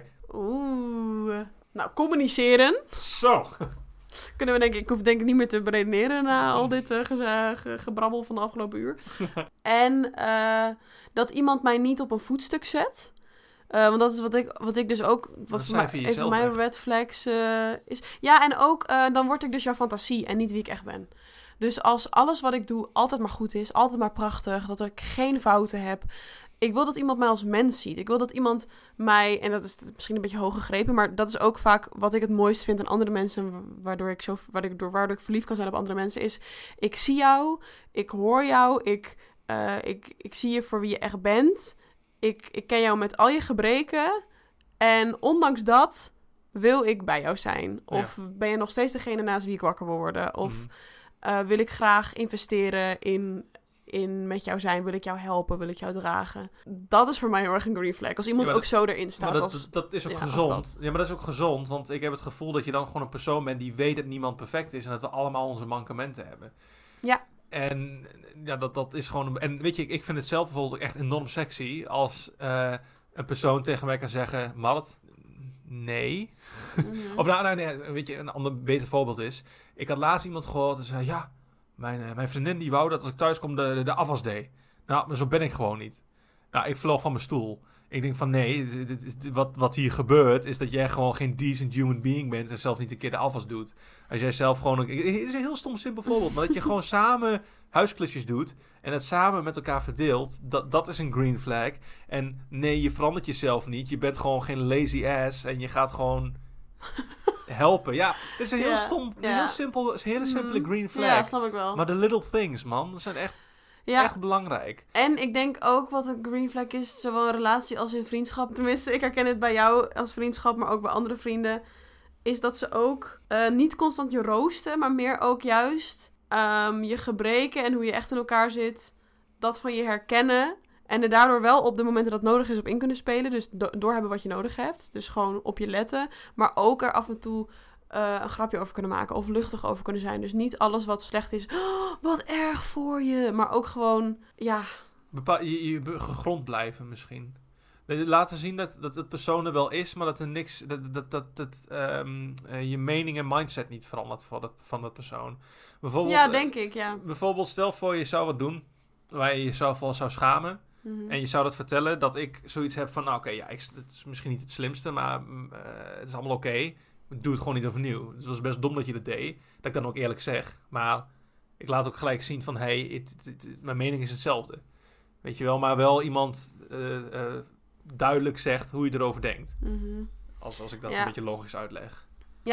En ik vind emotional availability heel erg een green flag. Dus mensen die, die gewoon over hun emoties kunnen praten, die het kunnen herkennen. Ehm, die het ook niet erg vinden om emotie te zien of te laten zien. Want ik ben bijvoorbeeld best wel snel geëmotioneerd. En iemand moet daar wel een beetje tegen kunnen en niet heel erg van schrikken. Want zijn mensen dan wordt het dat- heftig. Er zijn mensen die dat inderdaad eh, wegcijferen. Eh, nou, dan heb ik er nog eentje voor je. Oh, laatste. Allerlaatste. Oké. Je kent het idee wel van je moet jezelf niet veranderen in een relatie. Ja. Of jezelf aanpassen in een relatie. Ehm, ik heb zelf heb ik daar een bepaalde mening over. Dat ik niet per se denk ik, ik denk. ik denk dat het een klein beetje bullshit is. Je mag jezelf echt wel veranderen in een relatie. Tot een zekere zin, zeg maar. Ik weet niet hoe jij daarover, eh hoe jij daarin staat. Mm, nou, ik ben het er heel erg mee eens dat je samen de samen- relatie bent. Dus eh, je bent samen verantwoordelijk voor eventueel groei of een probleem oplossen of communiceren. Maar ik denk, en ik denk dat je daarin wel jezelf mag aanpassen, bijvoorbeeld. Dus als Mhm. ik bijvoorbeeld zeg, Mart, ik vind het echt niet leuk dat je dit doet, dan zou je kunnen nadenken over, goh, wat kan ik doen om jou tegemoet te komen eigenlijk? Eh, maar ik vind niet dat je jezelf kwijt moet raken. Want als je van jezelf iemand gaat boetseren die je niet bent, dat is dan weer toxic eigenlijk. Ja, nou, zo, zo denk ik het dus ook over. Want Ja. het, weet je, het is ook een beetje het ding. Stel voor je hebt vijf jaar lang een relatie. Mhm. Dat ik trouwens echt heel netjes vind. En dat je dan, dan moeten er heel veel dingen zijn geweest waar je samen sterk uit bent geworden. Mhm. Want ik weet niet hoe het met jou zit, maar bij mij is het als ik nu naar mezelf kijk en een jaar geleden, een jaar daarvoor of twee jaar daarvoor, je, ik verander Je zo verandert heel fucking veel. veel. Sowieso binnen, volgens mij, je 20 en je 30ste verander je het meest. Dat geloof ik wel. Ja. Dat is echt, er zijn heel veel momenten geweest inderdaad het van het zelf exploren en zelf Mhm. opzoeken. Dat het inderdaad, het is denk ik meer dat het belangrijk is dat je samen verandert. Want dat gebeurt sowieso wel. Maar dat je wel eh, samen beter wordt. Misschien. Misschien Ja. moet ik het zo. Dat je samen een, een betere versie van jezelf wordt. Dat is misschien. Want zoals ik net zeg met de afwas en zo. Van ik ben het niet, want ik doe geen afwas. Weet je wel. Dat, dat, dat, dat, dat is stupid. Van je kan jezelf aanpassen op een persoon om dat wel te doen. En kleine dingen Ja, dat bedoel ik inderdaad met, met het, je bent allebei verantwoordelijk voor een probleem. Dus ook al is dat zoiets simpels als de afwas, dan moet je samen gaan kijken hoe je dat gaat oplossen. En niet, doe jij de afwas maar, want ik doe dat gewoon niet. Want Ja. dan ben je weer de andere partij compleet verantwoordelijk aan het maken voor iets wat je samen moet oplossen, vind ik. Nou, heb je nog advies voor mensen in het algemeen die aan het luisteren zijn? Zo. Gewoon het algemeen, relaties, andere dingetjes, Ja. levensadvies.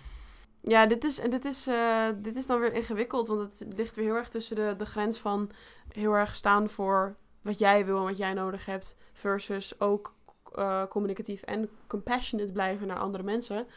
Maar ik heb echt, misschien is het ook omdat ik vrouw ben, maar nou, ik weet niet of dat gegenderd is, maar ik heb echt geleerd dat naar jezelf leren luisteren en even tijd nemen om te kijken, goh, waar ben ik nu? Ben ik gelukkig? Is dat wel of niet in een relatie? Weet je wel, ondanks, ongeacht of je daar wel of niet in zit. Dat is zo belangrijk. En zo nodig. Ga in je eentje naar de Wadden. Dit doe ik altijd, elk jaar. nee, maar oprecht. Gewoon ehm, echt zelfreflectie. Mhm. is heel belangrijk. En ik denk dat het ook heel goed is dat mensen dat überhaupt horen. Want er zijn denk ik heel veel mensen die dat... En dat mag. Je mag ruimte maken. Dat is ook nog een ding. Heel vaak denken mensen, ja, maar ik doe er niet toe. Jawel. Je doet er wel toe. Cijfer jezelf niet weg. Jij bent de enige die met jouzelf opgescheept gaat zijn voor je hele leven. Besef dat even, hè? Er zijn mensen om je heen die ga je misschien kwijtraken, die gaan dood, die gaan geboren worden. Maar jij bent de enige die je hele leven met jouzelf zit. Dus je moet het wel een beetje leuk maken voor jezelf. Dat vind ik echt een heel goed advies. Ja, toch? Ja, nee, want daar heb, daar heb ik zelf niet eens op die manier over nagedacht, moet ik ja, zeggen. ja, trok net ook een gezicht Ja, van, wow. dat was wel even een, ehm, ach, ja, wel even een crisis. Even. Ja, maar juist Ja. daaruit moet je juist, dat, dat bedoel ik juist eh, positief, van ja, zeker. eh, neem jezelf serieus. Weet je, eh, zorg goed voor jezelf, zorg fysiek goed voor jezelf, wees lief voor je lichaam, wees lief voor je geest. Mhm. Ehm, dat zeg ik wel een beetje met zo'n goede accent, maar meer, dit meen ik oprecht wel. Ja, ja ben ik, ik ben het helemaal met je eens. Dat heb je, Ja, en dat je bent heel goed... Ook maar een mens, is echt zo. Je gaat een keer op je bek, je gaat een keer fout maken, je gaat een keer iemand gaslighten en denken, oh mijn god, wat ben ik een lul. Maar als je daarna zelfreflectie doet, wordt het je allemaal weer vergeven in de hemel. nou ja, ik denk dat jullie verhaal. wel snappen wat ik bedoel. Mout, wil je nog wat pluggen? Heb je nog iets om te pluggen? En ja, luister allemaal naar Vrijpraat op Spotify. en daar nemen we anders nog een podcast van, Mart. Oh, nou dankjewel. Ja, Mout, mag ik je hartstikke veel bedanken dat je hier vanavond bent. ik jou ook, Ik vond het wel leuk. Ik vond het... Vond je het wel leuk? Het was super gezellig. Ik vond het, oh sorry, ik vond het fantastisch. Fantastisch! Nee, het dankjewel. enig. Nou, fantastisch. Leuk. Dankjewel. Nou, dat was alweer het einde van deze aflevering van Neem er anders nog een. Bedankt dat je de tijd hebt genomen om te luisteren en het taboes met ons te doorbreken. Als je genoten hebt van deze aflevering en graag meer wil horen, vergeet dan niet om te abonneren op mijn kanaal, zodat je nooit meer een aflevering mist. Maar dan stopt het niet. Blijf met mij in contact via mijn Instagram of TikTok. Neem er anders nog een podcast. Voor exclusieve updates, behind the scenes content en de mogelijkheid om deel te nemen aan onze discussies over taboes. Heb je suggesties voor een toekomstige aflevering of wil je gewoon hallo zeggen? Stuur me dan een berichtje op mijn Instagram. Ik hoor graag van je. Bedankt voor het luisteren en tot de volgende keer waar we nog meer taboes doorbreken.